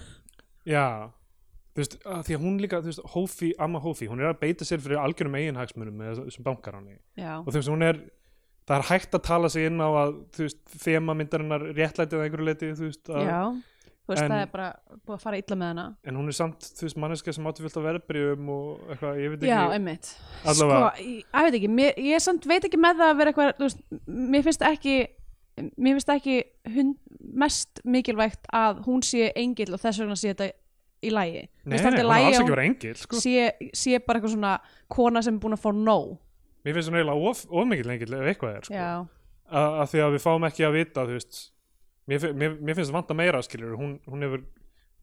ég veit ekki kannski einhvern tímann í fortíðinni eitthvað verið eitthvað Sko, ef, að, ef að það eru m- verri puntar að koma frá mér hérna núna í setni part þessa, um, þessa þáttar þá er það bara út af því að kötturinn minn er búin að leggjast yfir nótuna mínar og ég sé það ekki Uh, allavega, ég, ég- hérna ástæðan fyrir að þú veist, ég er búin að vera uh, svona fastur í þessu plot details hérna, er af því Já. þeir eru í ruggli sko. Já. Svo maður ver- ma- maður verður að vera hinskil með það það er, þú veist, það meikar ekki send sko. Nei. og það er ekki þetta er ekki þannig að maður geti hort framhjá því að þetta er svo hlaði bröndurum eða eitthvað þannig, þetta, þetta er það sem við erum að ræða um Já, já, þegar við tölum um þessa mynd, er, er þessi twist and turns, þetta er svona twist and turn mynd skilur, það er Einmitt. einhvern veginn, síðan mætast þessir og við erum að horfa á alla þessa karakter að koma, þetta er svona ensemble mynd eiginlega já, eiginlega þrátt fyrir að heita Amma Hófi þá er þetta bara Er þetta alveg jafn fullt mikið af, fó, eitthvað fullt af sögutráðum sem er að smákrim, mætast smákriminn steindi og uh, Þetta er svona Guy Ritchie komedi einhver, í Já, rauninni, einmitt nema mu- mun léttari og bara Kannski einhver hefði verið Hafnarfjörður betra í hún jólum. bara hefði ekki heitið Amma Hófi og hefði verið meira eitthvað svona þú veist, opnari titill af því maður er svo mikið einhvern veginn fókusur á hana út af Já. því hvað myndin heitir, ég veit það ekki Já, en ég, þú veist, ég meina ég veit, ekki, það er örugglega mjög gott markasendingadæmi bara eitthvað, Edda Björgvins er að leika einhverja badass Já. granny uh, True um, ég held að hún hefði líka ha, ha, ma, hún hefði mátt eiga miklu fleiri badass moment, ég hefði viljað sjá bara einhver svona Dirty Harry moment hjá henni Já, látur að algjörlega. fara allar leið með hún er frekar þú veist, hún er eiginlega ekkert að svína mikið af fólki hún er bara taldið Nei, ég meina, þú veist, hún læsir þú veist, starfsmennan inn í, inn í kvelvingun eftir hún er búin að ræna bankan og bara en við fáum þetta ekki einu skot af þeim að vera inn í kvelvingunni eitthvað miður sín yfir því. Nei, mitt, hún bara við sjáum það svona hún lokar kvelvingunni og Mm. svo er okkur sagt frá því þú veist, við fáum ekki þú veist, eitthvað þarna er amman virkilega þú veist, við sjáum ekki henni einu sinni eigan einu tókstreitu innra með sér eitthvað að ég hefði ekki átt að gera þetta, það var svo fínt fólk eða eitthvað já, þú veist, það er svo mörg tækifæri til að vinna með uh, munin á því að vera einhver næs amma sem er Edda Björgvins já, og að vera harnaður glæpamæður sem við sjáum Já. ekki spilast út sko. einmitt að því að þess að þau fara þarna að ræna bankan síðar og það, þá er, eru kerfin er ekki í gangi út af því að Já. það á að vera að skipta um kerfi eftir þetta eftir þessa æfingu í byrjun, það Já. er búið að setja þau upp það er búið að færa öryggistakkan eitthvað Já, uh, og við, við erum búið, fyrst búin að sjá þau ná í byssurnar, stela þeim úr bílskúr sonarennar já, og planeta uh, og á meðan, er- meðan sjáum við við sjáum sveppa stela pening frá þeim úr herberginu og eitthvað já, held ég. þeim er alveg sama að þið verðist já, eru þau ekki sofandi þá Nei, þau eru vakandi sko, en þau, Já, eru bara, já. þau vil ekki að hann já, ég er að meina að þau þykjast þau þykjast vera Já. sofandi en þú veist, hann tekur fimmúskattur hennar og þau eru bara svona hú, muniðar litlu Já. að því að hann, hann næsta sem hann hefði getað farið í var byssurnar, eða- byssurnar Já, og eitthvað já, þannig já. en hérna, já, auðvitað ekki, það er líka sko eitt með þarna, þegar ég s- nefndi á hann að þetta væri verkleg mynd sem að mér finnst ógstlega mikið að mistum tækifærum Já. til dæmis í þessari senu þar sem þeir eru að undirbúa sig fyrir bankaránið það er eitthvað svona flott uh, þú veist, pæling með það þau eru með, þú veist, svona spilastokk og eru eitthvað svona, þú veist, að nota eitthvað svona hlutin á gam, Já, þú veist, já. er svona, ga- Þetta er svona ell- plana hæsti, svona klassíst Já, bara klassís moment sem er, þú veist, að- Ósenn- við- ósennilega er að dæmi. gerast með eitthvað svona hlutum hinn á elliheimilinu um Já. þú veist, sem hefði geta verið hægt að gera matur og gera eitthvað svona flott skot en það er bara svona miðlungsvítt skot, þau sita á móti hverju og Já. er eitthvað að gera þetta bara, það er bara svona, þú veist, eitthvað, það sem við þurfum að sjá í ramanum eru þau tvö og við þurfum að sjá spilastokkin Já. í staðin fyrir að gera eitthvað spennandi, eitthvað einhver insert skemmtilegt af eitthvað sjöflaspilunum skilur, hva, Einmitt. hvað annað er fyndið á elli heimilum sem þau getur notað sem þú veist, ok, þú kemur hérna inn og þú ert, þú veist, það er eitthvað Nákvæmlega. le- hérna, whatever koppur eða eitthvað, ég get ekki fyrstu hugmynd en, en þú veist, en, s- það, það sem þau nota reyndar er að ein uh, sambýliskona þeirra er með svona, þú veist box sem þú setur upp að Já, svona- rattböndurum svona eitthvað, "Já, ég hljóma svona eitthvað, ég talar einmitt, sem, þú veist, sem hún notar síðan þegar hún rænir bankan já, þannig að þ- fólk einhvern veginn heldur að hún sé ungur kallmaður já, sem er stillað. þráttur hvernig hún reyfir sig og lítur út í En þau voru líka búin að vera sérst, að sauma og þetta var einn annar hlutur sem ég skildi ekki það er þarna einhver her af gamalmennum sem eru að sauma jólasveinabúninga Já. og það er eins og Þorsten Guðmundsson sé eitthvað svona, eitthvað svona, eitthvað svona sko, þau eru í svona fangelsisvinnu já, nákvæmlega sé eitthvað svona warden sem er eitthvað svona þeir verða að klára hérna 20 jólasveinabúninga skrítið, af hverju, þú veist, það er aldrei farið alla leið með sem að konsepti einhver er að kaupa Þú veist, að- þarna hefðu við hægt að vera það að vera í þessu elli heimili er bara eins og að vera í, í fangelsi það á skilur. að vera þannig sko að því að síðan náttúrulega hvernig endirn er þá er Já. actual fangilsi eins og eins og eitthvað eh, elli heimili, já Nei, en nei, þau- eins og hótel bara eins og, já, eins og, já, já, eins og elli heimili ætti að vera já, já, einmitt um, sem mér finnst líka þú veist, það er ekki woke landing, skilur, eitthvað fangelsir og fín já, af því að þú veist, af því, af því að, þú veist ég já, held að meina, sé aðla bara grínið sé ég veit að það er grínið sko, en það hefði þá elli heimil ekki átt að vera þú veist, ennþá verra þú veist, hefði, Já. ekki, hefði ekki átt að fá myndmál sem er bara hérna, þetta er fangilsi já, já. Af því að, hérna, þú veist, það er aðeins hintað ég held í að það þarna- var hindað að því það var bara ekki, uh, já, kannski tekið allar leið já, ég veit ekki, þetta er líka bara þú veist, aftur, þetta er mjög inoffensive bara svona broad Já, comedy einmitt. sem þú veist, spilast Ég betur held- yfir sjónvarpinu held einmitt sko, þú veist, að- bíótjaldi sko. það sem við erum að segja núna eitthvað svona að það mátti hafa, hafa verið það svona er hægt að splitta henni við tvö kvöld á rúfa og þessi eitthvað vandamál Já, nákvæmlega. Kannski er hún betri í tveimur pörtum þá sem hún er eitthvað, hvað gerist fyrir þau í lokin? Ó, ég varð að vita. Hérna, Veltu fyrir mig hvað er klift af því að við Já. náttúrulega horfum á hann í heldsinni en ekki einmitt, góð spurning. Já. Hérna, uh, hvað er eftir að segja? Um, þú veist, þetta er náttúrulega bara okkar persónulega skoðin að segja eitthvað svona að hefði mátt vera, þú veist, Já. meira, Aftur við erum við þakklátti bútistar og, já, þú veist, einmitt. Nei, en þú veist, ég er bara að segja það sem að mér, mér finnst mist tækifæriðin er bara svona aðeins meira swing for the fences, já, skilur við. algjörlega sko. Þú veist, að taka, sem er Einhver bara sti- almenn gaggrín á íslenskar myndir Já, en þú veist, en það, er, það vantar bara allar svona um, stíl ákvarðanir Já. þetta er bara, þetta er svo rosalega mikið bara, við þurfum að taka upp þessar senur og Já. hugsum ekki meir um það þurfum að ná coverage á þessar senur já, það er bara, þú veist um, já, maður stætti seninu þessum hérna, þú vikingur veist, það er, það er held ég ekki eina, eina, einasta close-up í þessari mynd, sko já, eða þú veist það er ekki, það er ekki tilfinningum er ekki gefið rými í ramma nei, ef það meikar sens nei, nei. já, ég ætla að segja með hérna, þegar vikingur skuttlar gíslaerni út á völl já, yfirmanni sínum já, hann er bara einhver algjör lú, lúfa og Já, já. hérna uh, sem úksla skrítið sko. já, og hann er ekki með bílpróf sko, þannig að konan hans er að skutla þeim upp já, á af- völl. já, af því að hann er en búinn þau klippa hljóta þá að vera skiptin eitthvað sín. vinafólk eða eitthvað ég fekk á tilfengjum að það ætti að vera þú veist, eitthvað, ok, það er aldrei off að hann sé að já, að þi- þið séu ekki beint buddies en var það var það, til, var það í þá einhvers mér finnst eins og það var það bara brandari ég held að ég er, ég er að velta Já. fyrir mér af hverju ég var að hugsa um það en allavega, uh, þau mæta til að ræna bankan við erum komið klukkutímenn í þáttinn og Já. það var hérna stóra second act momentið um, það tekja mótið þeim af því að það átt að koma jólasveinar að skemmta og þau eru bara áður loksins eru komin þau eru tvö en ekki eitt eins og ég held annars var að fyrir með þau það er eitthvað partí Latti endar á að hlaupa inn í partí og stökkva á jólatrið sem styrlaður hlutur til að gera algjörlega þeir eru jólasvein til að gera Já, algjörlega upp úr þurru en það þýr þau end, í lokinu er bara wow hvað þau voru skemmtilega þú varst aktífasti og fjörugasti jólusveit sem ég hef bara þú veist það nokkurn mætti tímann- halda og vera laddi það mætti halda það og að meðan Edda sem sagt uh, planið er að fokast upp við þetta en hún fer sem sagt mætir rænir hérna segir bara herðu fara með mig í kvelvinguna ég veit ekki sem mikil peningur mikil kass er geimt í kvelvingunni þú veist Íslandsbanka í fyrðinum sko nei, á tímum rafrætna viðskipta aftur hefði mátt vera nær hrunið það sem var aðeins meira greiðu fyrir umferð já, en uh, hún endar við að fá þar einhvern veginn, þú veist, einhverjar miljónir hvað, voru þetta ekki einhverjar, jú ég man ekki hvað talan um ef hún var nefnd ég held að hún hafi aldrei vitað hana sjálf sko já, kannski ekki, af því þegar, þegar hún endurheimdi peningana og spyr hérna barnabarnið hennar eitthvað svona hvað er það mikil pening hún er eitthvað, ég veit það ekki já tengist ekki þessu lánsupphæð eða, nei, ég veit, eða hún er alltaf nótt til að kaupa sér íbúð af því að hún fer að reyna að gera það um, en svo þegar það fara út þá er svona hópur krakka dimmitera í jólasinabúningum Jólasveinabúningum. þannig að þau geta blanda sér inn í hann einhvern veginn mm Eflega. En það kemur svona í ljós að Steindi er frátt fyrir að vera glæpamaður og við sjáum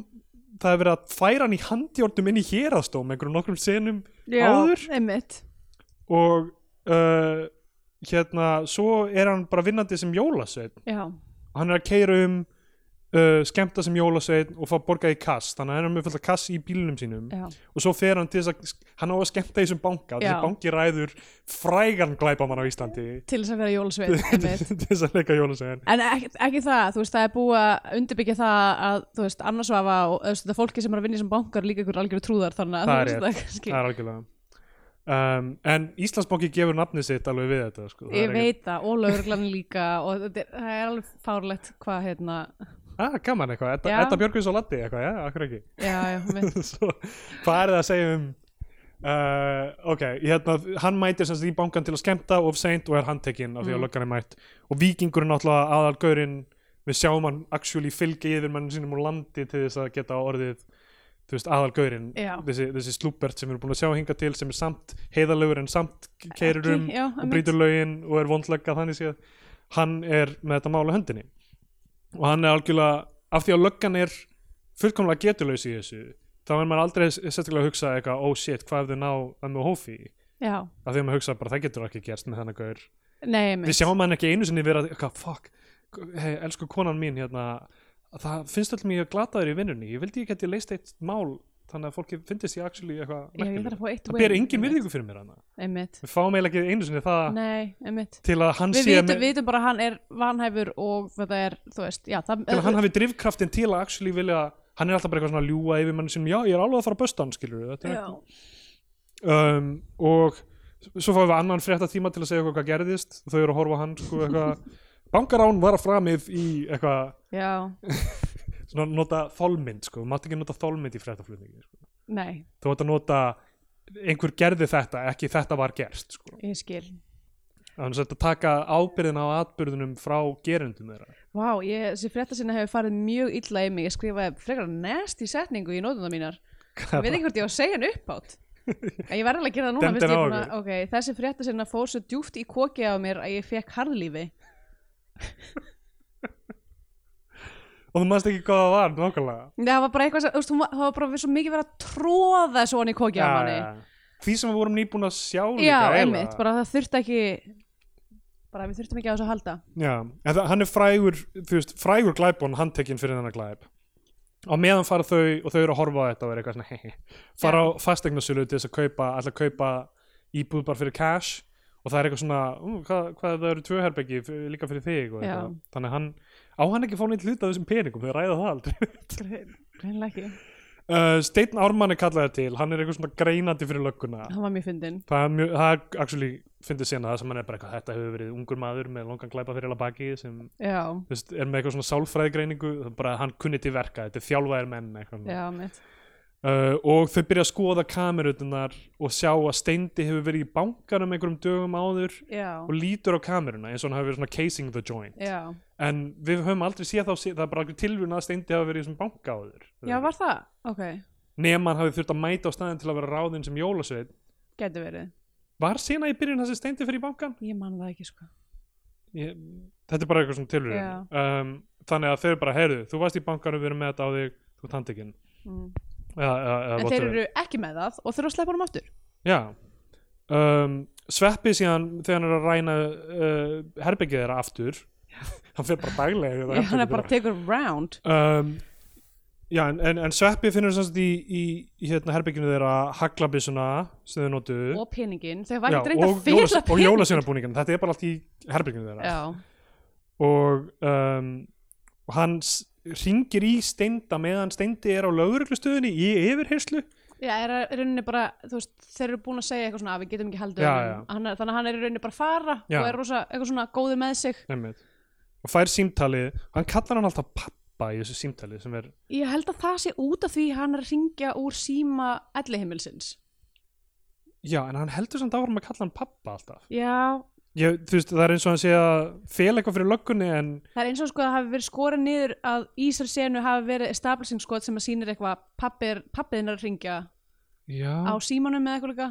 En þú veist, ég, það er ekkert sem hann segir þarna sem er ekki eitthvað sem hann geti sagt við vin eða, þú veist, maka eða whatever. Svo sem rétt Þannig að, þú veist, ég veit ekki, það er smá hljómaðin sem var alltaf að segja pappi til þess að fela fyrir, eitthvað fyrir löggunni sem voru í herbygginu Já, en hann hefði getað sleppt í að segja pappi og þetta hefði bara alveg verið, hann er bara Mhm. eitthvað, er, er þér alvara maður? Já. Ekki, ekki, eitthvað, þú veist, einmitt hann er bara eitthvað að segja einhverja svona hluti. Já, þess vegna held ég að Hvað það meinarðu hafi maður? verið þú veist, einhver önnur lína eða eitthvað sem að var bara klift Já. sem að segja eitthvað svona "Ah, að pappir að ringja eða eitthvað Þetta bara rugglaði mig svo mikið, af því að Já, líka út af því af ég var því að- eitthvað, eru þeir bræður, hvað er í Nákvæmlega gangi? líka þegar maður er eitthvað svona þeir eru allir, enginn þeirra gæti verið eitthvað faðir sonur hvers annars Já, og svo er líka, var eitthvað dæmið það sem þú veist, Þorsteinn var sem ég að fela fyrir löggunni að Steindi væri sonur hans mm það var eitthvað annað dæmið það sem hann vil, að því að þú veist Það sem er alltaf svona hilarious í þessu er að löggan gæti ekki púsla saman já, af því að steindi, sem sagt, síðan er síðan sem sagt, mætir steindi á allir heimilið já, og þú veist rænir þau bara, tekur peningarna og hérna og er eitthvað algjört gerpi og svo er sena það sem löggan er að tala við Þorstein og er eitthvað, af hverju myndi þessi maður vera hér á þessu elli já, ekki fattandi það að þetta pabbi er sonur hans hans já, rekur þetta elli heimili Nákvæmlega, sem er hlutur sem þú getur flett upp í þjóðskrá Já, það ætti að vera f- frekar auðveld eh, sérstaklega ef þetta er f- þekktur glæpamaður að vita hver fjölskyldan hann segir og eitthvað Alla, hérna um, Steindi mætir þá til þeirra og uh, mætir og ógnar þeim og tekur uh, allt, bara tekur allan pening Já, tekur póka með peningum, eitthvað svona jólasuna póka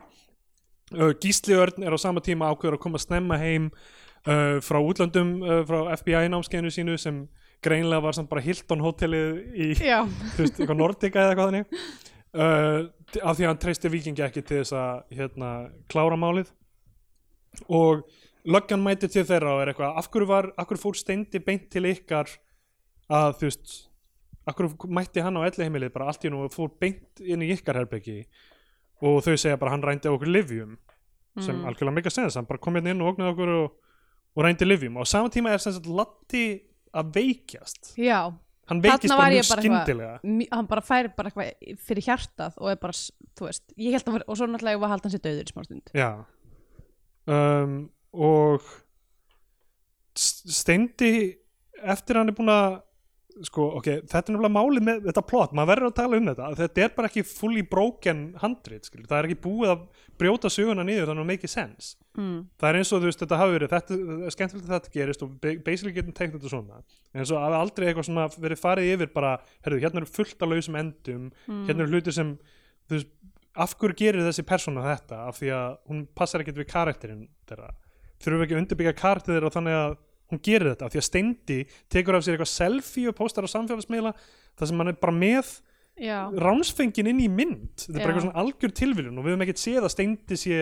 eitthvað svona, hvað ef hann væri uh, svona glæpamaður sem er svona alltaf að pósa með þú veist, Já. vindla eitthvað og við höfum séð senur þar sem hann er eitthvað herru, ég er alltaf bara með bitches and money eða eitthvað, það er sko held ég eitthvað smá svolítið í byrjunni með þetta vesti sem hann er í hmm, að þá er eitthvað svona, segir hvort það sé sveppi eða eitthvað sem segir eitthvað svona heru, svakalegt vesti sem ég sá á eitthvað ég man ekki hvernig það nákvæmlega er, hvort það sé á samfélagsmiðlum eða eitthvað, en allavega það sem það kemur fram í eitthvað svona samtali já, Já, annars en þú veist, að, það, við- þú veist að veri hægt að hafa heilt fucking hérna, sequence af honum að vera þú veist, svo- einn af þessum þú veist, rapparatýpum sem þú veist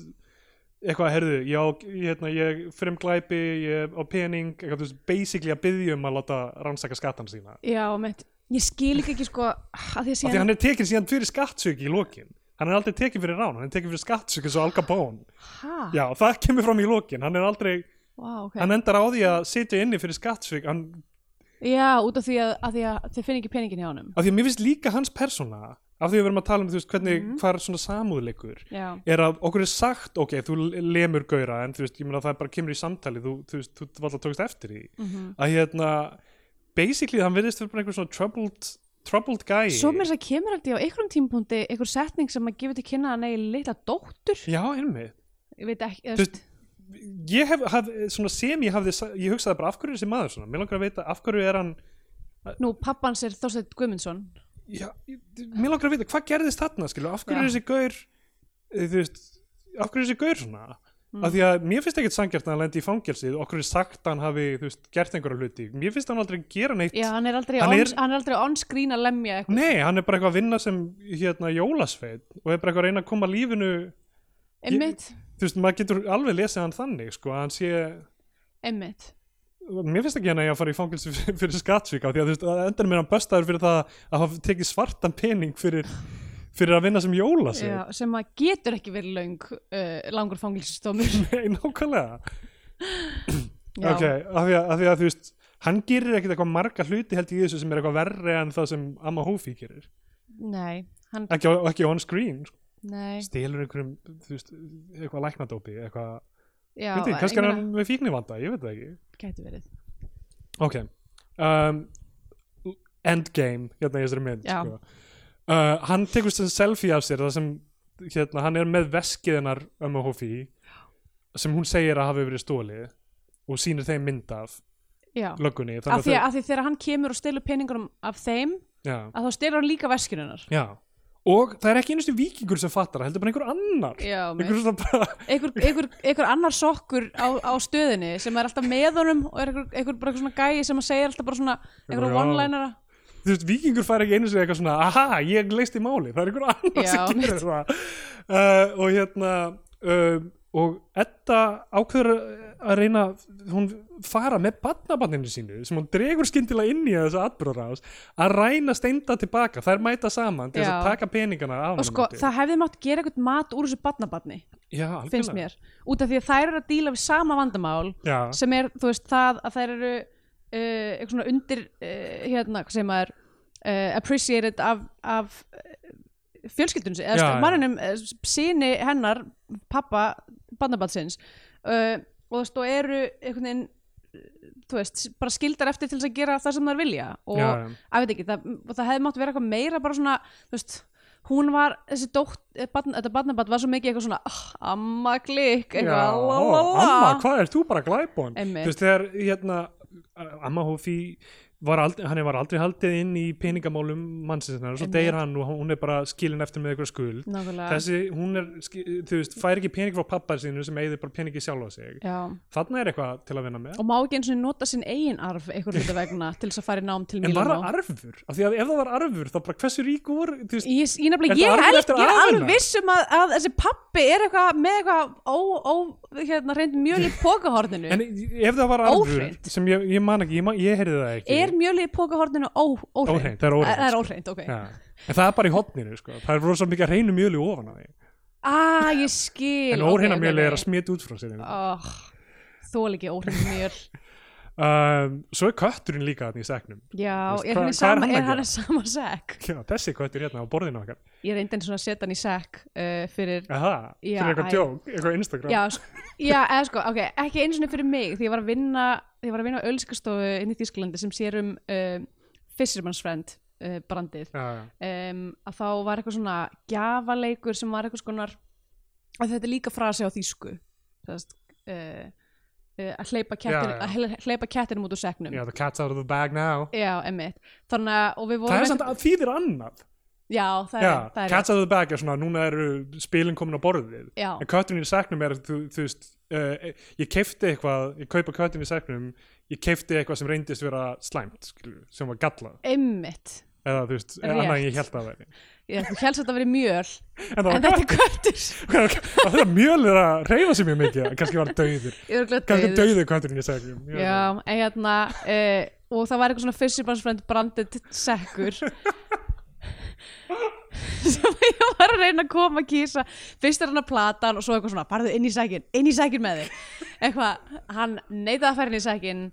þannig að endanum eitthvað klifti ég bara eitthvað saman eitthvað rugl, það var samt allir mjög ánægð með kýsa hann var Já. mjög sætur Þannig Nei, að hann, algjör- algjör hann er sellout ha, í, Hvað er þið? Já, hann fekk borgað fyrir þetta Ó, þú ert aðraður en að hann Ég skil ég er ok. að reyna að kött, nei, ok, sorry, þessi köttur borgar engar legu Það er rétt uh, þannig að ég ætla bara þú veist, ég er bara að ta- ég er, ég er að setja Þannig að hann er meira eins og Ég er eins og- þræll ég er, ég, er svona, ég er að setja þetta allt inn á reikning sem að hann fær þegar hann er á nátjónana Einmitt, svo fer hann í bankan þegar þú ert dauð og bara, herðu, það er 37 miljonar krónar skuld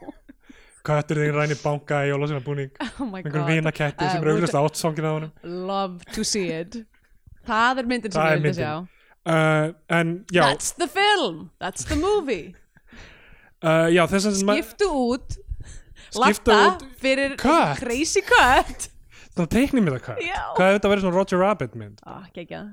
Uh, þ- þær reyna að ræna steinda hann auðvitað tekur að þeim byssuna og ógnar þeim og tekur peninga tilbaka og Já. sen sendir þeir út af því að löggan kemur á sama tíma þær einhvern veginn ná að rétt svo fara út úr já, það grípa töskuna já, og já, basically, basically hann nær byssunni já, uh, og er eitthvað svona, og hún er eitthvað hvað ætlar þú að skjóta gamla konu bara, I, Já, don't- hann- I don't já. think you will einmitt tekur bara eitthvað svona hérna, af því að þannig er hann allt í hennu með eitthvað svona samvisku að, að, þú veist, já, tekur eitthvað svona blöff á hann bara, og hleypur burt og hann ætlar að elda hana en Já. þá hleypur hann beint í flasið á löggunni já, þannig að hún notaði henni bara þú veist, aldur sinn eitthvað svona, þú ætlar ekki að skjóta gamla konu já ég, þú veist, ég, ég meina ef þetta á að vera einhver hræðilur ofbeldismæður með langa sakafæðil, ég meina, já, kassi sko, í, samt, í, þessum, í þessum heimi þá eru allir eitthvað lúðar, það eru allir eitthvað sokkar Já, það er, þú veist, að þetta er, þetta er létt veg gamal mynd fyrir fjölskylduna þannig að það, jafnvel, þú veist, stindi sem á að vera vondi glæfmaðurinn, hann er samt líka eitthvað svona, "Wah, bú, bí, bú já, já. En, ég- en þannig verður þetta eiginlega svona smá, þú veist, ég ætla ekki að segja að þessi mynd sé áróður. en hún, Háraður fyrir hverju nei, nei, nei, ég er að segja bara, þú veist, mér finnst þegar þú ert ekki að explora karakterina þína þannig að þú hugsir, þú veist, af hverju gera þeir þetta sérstaklega þú ert að setja þá í einhver svona staðalmyndir sem eru eitthvað bóvarlöggur, eitthvað bankamenn þá ertu í rauninni bara að spila með hugmyndir sem fólk hefur nú þegar og eru fastar í hausnum á þeim og ert, ert ekki að skoða þær neitt eða snúða þeim á haus eða, ne- eða, þú, veist, þú ert ekki að vinna, þú ert í rauninni að festa í sessi núverandi sín fólks á, á hvernig hlutinni ganga fyrir sig sko Já, þannig að, þannig að hérna, ef við erum ekki að skoða þú veist, hver, hver er steindi og af hverju þú veist, af hverju er hann ekki tilbúin að skjóta gamla konu hann er tilbúin að lemja fólk já, hann er tilbúin að ræna livjum af gamlu fólki hann er, þú veist ok- hræðilegur okkur er sagt, þú veist, af hverju er hann þarna ekki tilbúin að, já emmitt, nákvæmlega þú veist, þa- þannig að í rauninni er bara í rauninni er verið að bara sjá, sjá mynd af heim, heiminum sem er bara, já þetta er basically svona eins og þú veist, við hugsum öll og erum öll og sjáum að hvernig degi í rauninni en, Já, en, en það er ekki verið að skoða neitt undir sem, þú veist, og það er það sem entertainment gerir skilur, þá festir í sessi svona hugmyndir um, já hvernig það heimurinn bara, er. bara að segja að þetta sé pínu sloppy í rauninni nei, ég er að segja, þú veist, það, þetta er vandamálið við list sem er basically bara gerð til að skemmta fólki en, en, en er ekki með ne- neina svona könnun á einhver svona hvað er mannlegt og hvað, þú veist, hvernig virkar fólk og eitthvað þannig, Já, er að þú veist, hún er ok, þetta er bara, ó, verður gaman að sjá Eddu Björgvins leika sér já, eitthvað og já, já, latta, emmitt eitthvað, en þú veist, þú ert ekki, þú ert ekki að skoða, þú veist, neitt umhverfið sem þau eru að vinna með að meðan þú veist, ég, ég held þú veist eitthvað svona comedy uh, hlýtur alltaf að þurfa að, aðeins að hugsa hver er hugmyndin um þessa hluti herðu hérna er tvist á henni sem við viljum að snúa upp á Mm. sem, sem breytir í kannski hvernig aðeins þú hugsar um hana, kannski reyndist fólk vera og, og kerfi vera öðru sem þau eru eða eitthvað þannig, Já, um, af því að þú veist rosalega mikið efni sem við horfum á er bara hei, hérna eru löggur, hérna eru bóvar, þau basically eru svona já, og já, emmitt þau eru kannski eitthvað klunnalega og klaufalega en þú veist, löggunar eru basically að hafa rétt fyrir sér, bóvarnir hafa rámt fyrir sér gamla fólkið er, er gott í eðli sínu Já. Ég meina, ef, ef ef þessi myndir sem þetta sína okkur eitthvað þá er það bara að allir hafa ránt fyrir sér Já, en það er líka svona, það er líka svona afsökun, það er svona dæmikera afsökun sko, það er svona gauðra afsökun sko, heyrðu, hei, ég vissi ekki hvað ég var að gera basically, Já, þú veist, það er svona að kasta af sér ábyrðinni dót, sko og löggan gjaldar aldrei fyrir það, hvað þeir eru lélegir Nei, það, ge- ég- en eða, þú veist, ég er að segja þú veist, þetta sé eitthvað svona léttvæðingagrinn á Íslands samfélagi í heilsinni er að allir, allir eru sloppy, all, all, allar stopnarnar sem eru síndar eru uh, eru lélegar í krafti þess að fólk leifir sér að vera sloppy já, en hver gjaldur fyrir það það er bara gaurinn sem greinlega hérna, þessi, þessi, þessi glæbón sem, sem er bara vondur glæbamæður en við vitum ekkert um, sko. Já, uh, ég meina endar, ég meina hann endar sem bara að fara í fannst fangelsi þessi fyrir skattsvik eins og Al Capone, hvað er málið sem að getur ekki við, það hlýtur að vera sko skilabundin dómur upp á svona þrjá daga Nei, þeir eru ekki að ánægð með að þau komunum í Sem að- fangelsi, það sem er að er- stóra vinnið Já, fyrir þa en það er bara þegar þeir, það, þú veist, eins og hann segir, eins og Gísli Örd segir í byrjun myndarinnar, það er engin eh, það er engin eitthvað svona góð eða léleg mál, það eru bara opinmál og lókumál, Já, já, þú veist, það er eina sem skiptir það máli, er að klára málið emitt upp á okkur tölur já, já.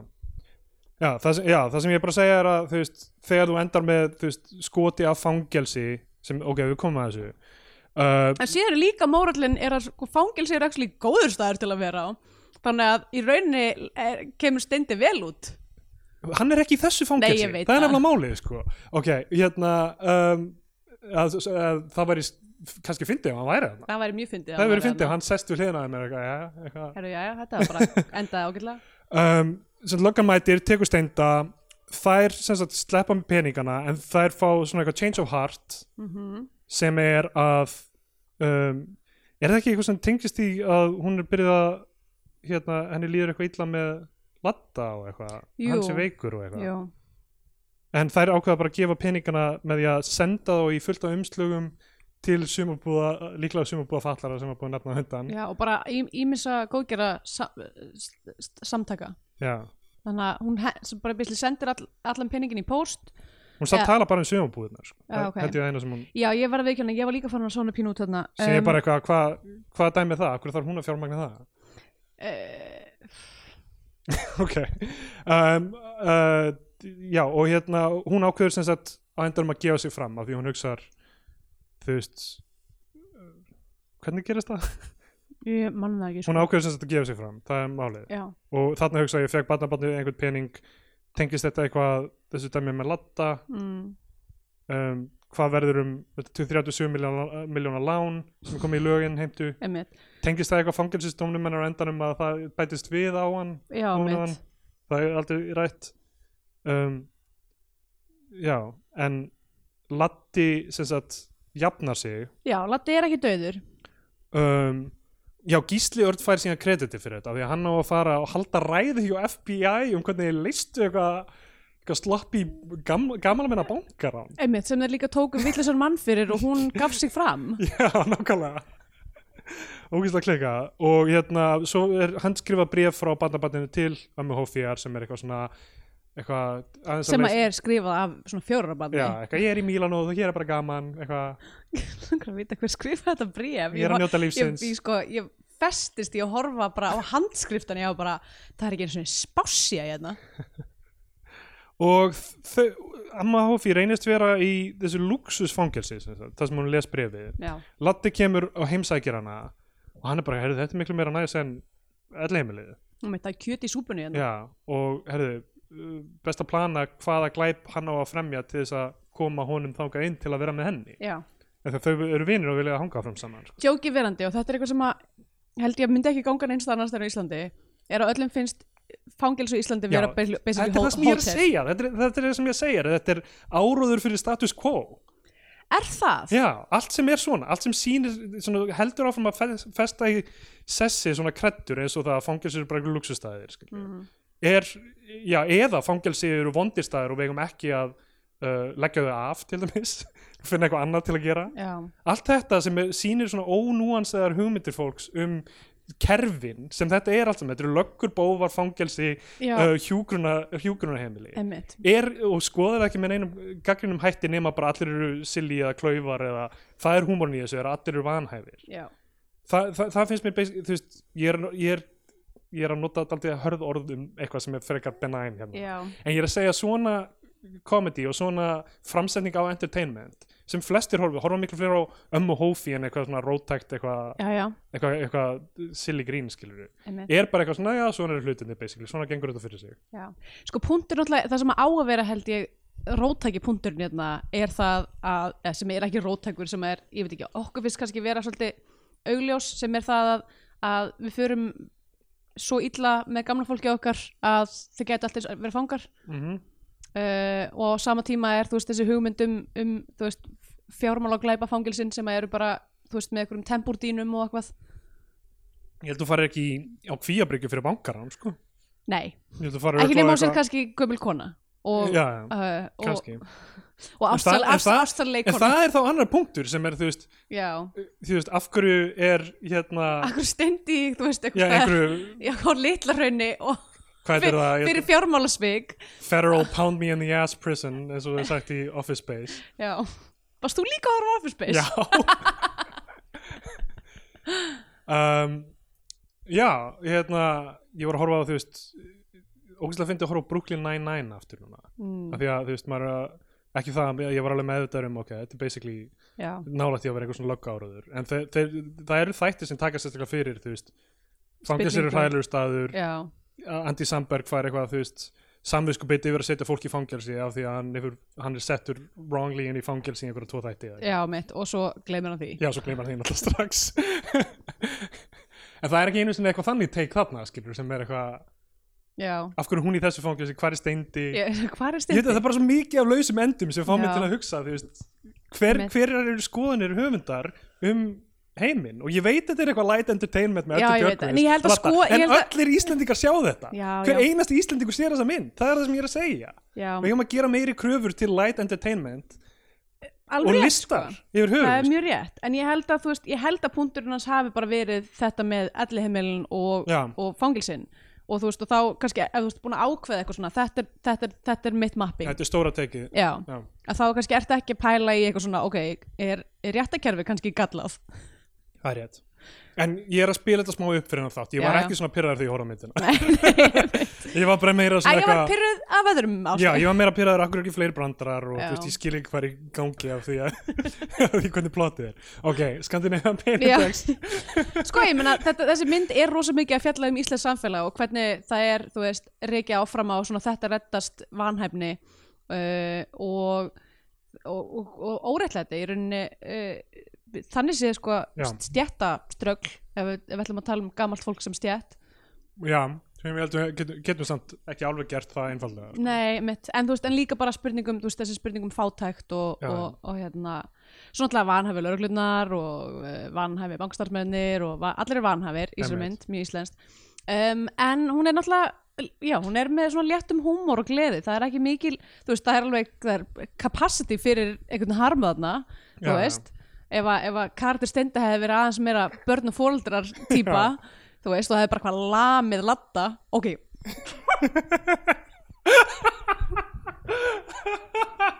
Jöðist, jöðist hefði það verið ef allt í hennu bara var þetta bara svona hart ofbeldi og það er bara búið að lemja Eddi Björgvins og latta í döðlur oh my god, sorry, ég finnst bara að Já. hlæja en þú veist, það eru jól það, það fyndi að það hefði allt í hennu bara áhrendur í bíó og bara komið til að sjá eitthvað Eddi Björgvins verið eitthvað Þú veist, Breaking Bad á bara, þú gammalsaldri veist, komin aftur komin aftur saman síðan Stella í orlofi og, Já, nákvæmlega. og svo er það bara, þetta? ok, allavega Dynamic Duo bara einmitt, það er eitthvað svona wire style Ég er ekki að byggja með þessi mynd sé eitthvað eitthva examination á, á kerfunum og hvernig Ég er bara að segja, ef þú setur myndina í þessi þú veist, þetta er við erum, við erum ennþá að gera þessar myndir sem eru bara eitthvað löggur og bófar Já, ég veit það. Þetta er, þetta er svo Ég held skrýtt að við séum kannski bara eftir þetta ár uh, held ég að það mætti vera þú veist, ef að þessi mynd kæmi út á næsta ári þá myndi ég vera eitthvað svona, ok ef að hans að ræða bara um, þú veist starf lauruglunar í samfélagi og af Já, hverju já. það þarf að uh, breyta því um, Það en var þú veist, náttúrulega eiginlega ekkert examination á löggunni á Íslandi sko. nei, en það er þetta þú veist, við verum, ég held að við séum bæði nokkuð vissum að þetta handrið var skrifað 2009 Já, nei, ég er að tala um bara í samfélaginu eftir, eftir já, hérna, nei, alls ekki, eða þú veist, ég meina fuck, í mörgum löndum heimsins var verið að skoða hvernig stofnunum virkaði það var ekkert- það var Já, og ekkert þessi ég meina, umræða. og þú veist, þetta, þessi, þetta fjadrafólk þarna með nælurnar á íslenskum lörglumönnum hefði mátt fucking fá aðeins meira flug, af því að ég sá þetta bara á Twitter að það var ekki þú veist, það, fó- þetta var svona kannski tvær fréttir eða eitthvað, Já, já. en bara það er fólk í lörglunni sem er bara með fasista limmeða utan á búningunum sínum og við sem íslendingar erum bara eitthvað ha, á litla Íslandi, aldrei Já, lörglumabeldi hér, I don't believe it einmitt. um,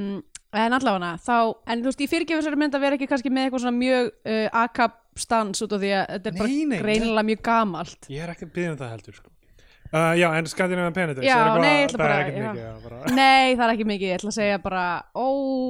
ég ætla bara að segja hérna 6 af uh, 11 kjötbytum í súpu Já, Ég ætla að segja það líka um, uh, Já, sem bara hérna Ég veit ekki, fucking eitthvað, einn öryggisnappur á tíu í banka eða eitthvað En þá komið einn tíma út þessum kemur myndin eitthvað sess á flagskipi íslenska kvikmynda frá íslenska fánan eða mælum frekar með því að hlustundur horfum á einhverja bandarska Hollywood-ellu þá farum bandarska bjánan Mhm. um,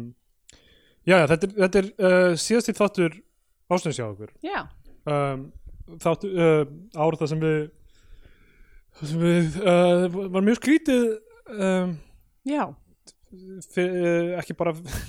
almennt þetta er að taka hún eitthvað svona annál ég, þess, þetta kom bara til mín í mómentinu þegar ég fatt þetta uh, nei, hérna, f- fyrir þa- þættin okkar af því við náttúrulega fórum, Mhm. hættum, hættum eða fórum í einhverja pásu Hva, já, hvað gáðu út, don't marg, call her a comeback já, hvað gáðu út marga örglega svona 20, 20, 20 Já. og eitthvað þætti í byrjun árs mm Mhm. um, hluta af þeim sem við tókum mannstu við vorum að cramming it og vorum að taka upp ykkur tvo, þrjá já, því að þætti á þú viku ætlaðir að fara til LA já, ég ætlaði að fara til LA að sína eitthvað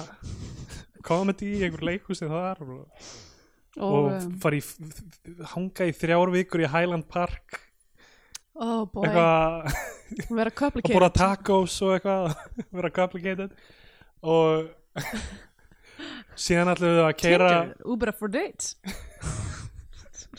engin veit hvað þetta tala um. engin veit hvað er Nei, talið við skulum posta kaffi gerið ykkur, Horfið á- gerið ykkur jólagreiða og googlið complicated Já, og horfið á það og horfið á það, Mm. Við það er hátíðarnar. uh, æðislegt komedi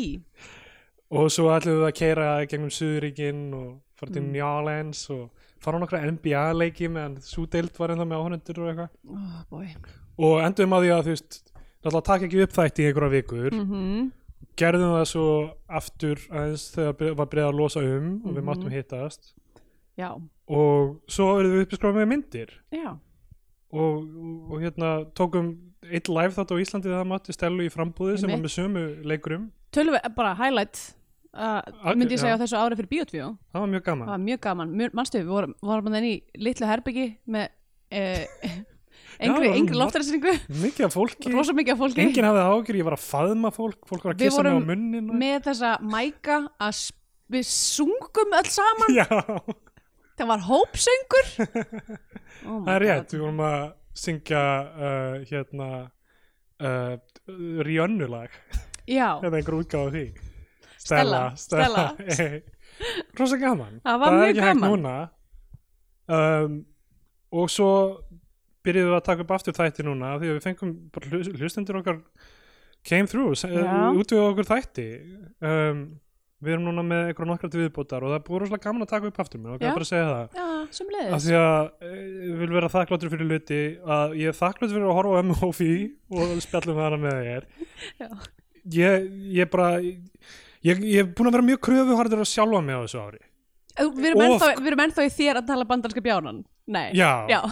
ég er búin að vera mjög kröfuharður á sjálfa mig og, og ég, of kröfuharður já. ég get ekki leist bara ég held að Covid. ásýnir það að maður getur ekki leist vandamál heimsins einn og sér nei, og maður gerir kröfu til sjálfa sín sem, uh, sjálf sín sem að vera besta útgáfan af sér og, og ge- gera hlutina þannig að þeir þú veist, skada ekki aðra eða helst hjálpi öðrum og eitthvað þannig og hérna og stundum er maður bara ofharður við sjálfa sig að þessu leiti og ég er líka of, búin að vera ofharður við aðra já, og ég, ég er ofharður við fólki sem gerði það með hófi með að gera einhverja kröfu um að hún eigi að leysa já. vandamáli, sérstaklega þegar hún er gerð á síðasta ári þegar það var kannski ekki alveg millir tannan af fólki að tala um helbriðstafsfólk og réttakerfið og eitthvað með sama hætti Já. sem er nett klikkað að það hafi ekki verið og margir voru að tala um Mhm. uh, en ég ætla að segja þetta er létt og fín gaman mynd og ég veist sem margar fjölskyldur sem eiga erfitt á Íslandum jólin horfið á hana yfir tvö kvöld á já, rúf einmitt. og höfðu bara mjög gaman af og gaman að horfa á andlit sem að fílar eins og þetta Björgvins og Latta Mhm. og whatever, hafa gaman og leika sér og, og uh, silly caper ég, bara, ég, er samt, ég ger ennþá mikla kröfu til listar, bæði sem ég geri Mhm. og sem aðri gera og sérstaklega því við erum með þess að podcast sem snýst um gaggrinni á hana Já. þá ger ég bara aðeins of mikla kröfur þannig ég, ég ætla að segja að Amma Hoffi er frekar bara benign mynd og allt í fína en, en mér langar að sjá Já. róttækara ekki endilega róttækara pólitíst eða eitthvað þannig, mér langar að sjá róttækara grín upp á hvernig ís, grín Íslandinga gera Mm. að virkilega þú veist, snúi hlutunum meira á haus og þegar það fyrir inn í einhverjum svona frekar basic hugmyndir eins og guðmjölmann eða skjákvöður að byrja að fremja glæpi að þá sjáum við eitthvað virkilega þú veist, kafað honi í þá hugmynd að sjá þú veist, hvað þýðir það fyrir þessa mannesku já, og ég veit að það kannski hérna, mun ekki skila sér í léttu gríni jafn auðveldlega en ég held að mun skila sér í betri list og, og, og hérna, ég held ekki að það sé ekki hægt að gera entertainment sem er ekki líka list þannig að hérna, ég held að gefa í bandarska fjánan já, um, það er fullt af jólamyndum til að mæla með og Mhm. þú veist, ég gæti alveg mælt með þú veist, ég myndi að Office Space, skilur, af því við vorum að tala um hana já, sem er ekki fullkomin mynd, hún er alveg göllum mynd á margan hátt en þú veist, er mjög skemmtileg og snýst í grunninn um, þú veist, hvað erum við að gera við lífið okkar já, hún er mynd fyrir þessa tímataldið hún er, þú veist, hvað erum við að gera dagstaglega hérna að, þú veist, sita fyrir framann tölvu í einhverjum hérna, einhverjum skrifstofu og reyna að framleiða eitthvað fyrir einhvern, einhvern pening sem maður sér aldrei, skilur, sem einhver annar fær mhm. en nær samt að gera svo mikið grín úr, úr því konsepti skilur. mér langar að sjá uh, íslenska gafamyndir gera það hvað, hvað, er, hvað er íslenski sem Stella í Ólofi gerði að einhverju liti og margar Já. myndir gerði sem eru þú veist, þessi drikkjum eðverkni og eitthvað svona þú veist, hvað, hvað er íslenska þjóðarsálin í, í, í myndunum, já. hvað er hún í Ömmu Hoffi en ég ætla ekki að mæla með henni ég ætla að mæla með Carol sem er jólamynd og Ah. fólk gleymir þessi jólamynd já, er það er jólamynd Já, en hún gerist á um en hún jólin heitir Carol Christmas Carol, en hún fjallar um lesbíur lesbíur Já, í gamla daga lesbíur gamla það gáttu líka haldið heilujól Já, uh, ok, gott uh, mjög gott, ég, mér langar að sjá hana aðalega bara út af því að uh, elska Kate Blanchett hún er á Amazon, nei hún var að detta út á Amazon Prime Eh, á, flott, ok, ég ætla ekki að sjá hana uh, og já uh, skiptir ekki máli af því að lampin í skjárbara mínum var kortið er að brotna Æ, nei, rétt fyrir jól Æ, að rétt fyrir jól það er leið trúur þessu uh, allafana, já, ég er eiginlega bara s- svolítið á sammál, ég var eitthvað svona þú veist, ég var mjög einhvern veginn þú veist, jáfnvel átt að hún var með þú veist, mjög groany moment þar sem ég var eitthvað, oh, ok ó, það er svo mikið að tækifæri mérna mm, ef hún hefði bara, þú veist ef það væri bara aðeins meiri samvinna þú veist, Já. ég veit ekki eh, hvort að það hafi margir lesið þetta handrið og reynda að puncha það upp eða eitthvað, en bara ég, já, ég við ætla ekki að fara aftur í það að því við höfum Einmitt, rætt það svo já, já. ógstla oft áður en bara það var eitthvað, tæ- eitthvað tækifæri hérna og mér fannst það ekki vera tekið en einhvað síður þá, þú veist, er örgulega fínt, þetta er fínt fyrir fólk til að horfa á um Já. jólin uh, að við þurfum öll að horfa á Íslands sjómasöfni meira, apparently um, uh, já, þannig að ég get ekki gefið henni íslenska fánun heldur um, en þú veist, ég er, ég veit ekki mér, mér hefur þótt mjög gaman að tala um hana og um, að ég veit ekki ég bara vil ekki vera neikvæða því að það er nú eins og litla jesúbarnið í jötunni Já, já, og allt það Einmitt. um, þannig ég ætla samt að gera bandarska bjáran og bara mæla með Long Kiss Goodnight já, við- það er vel gert Eitthvað sem við viljum segja að lokum Með Eh. lok 2020 um, bara, já sjáumst hress á nýju ári Já, nokkli þætti til viðbútar að koma já, og uh, ég meina verðum við ekki að reyna að hafa þá þá bestu sem við gert af því að þú veist, ég er að fara að deyja úr kviðslitum þarf virkilega að fara að skrifa þennan kapla í lífi mínu ég segi það, jú þannig að búið bara við einhverjum bangarum á nýju ári já, ég ætla að gera kröfur til mínum að fremja bestu list í formi hlaðvarpstáta sem nokkur yfir nokkur tíma síðan uh, já, ég held að það já, við komum sterk inn á nýju ári já, takk fyrir samfélgina, hlustendur eru búin að vera einstaklega indislegir á þessu ári já, uh, eins og öll ára undan en, en sérstaklega af því að við þóttum sem að það ætla, ætla að hætta já. og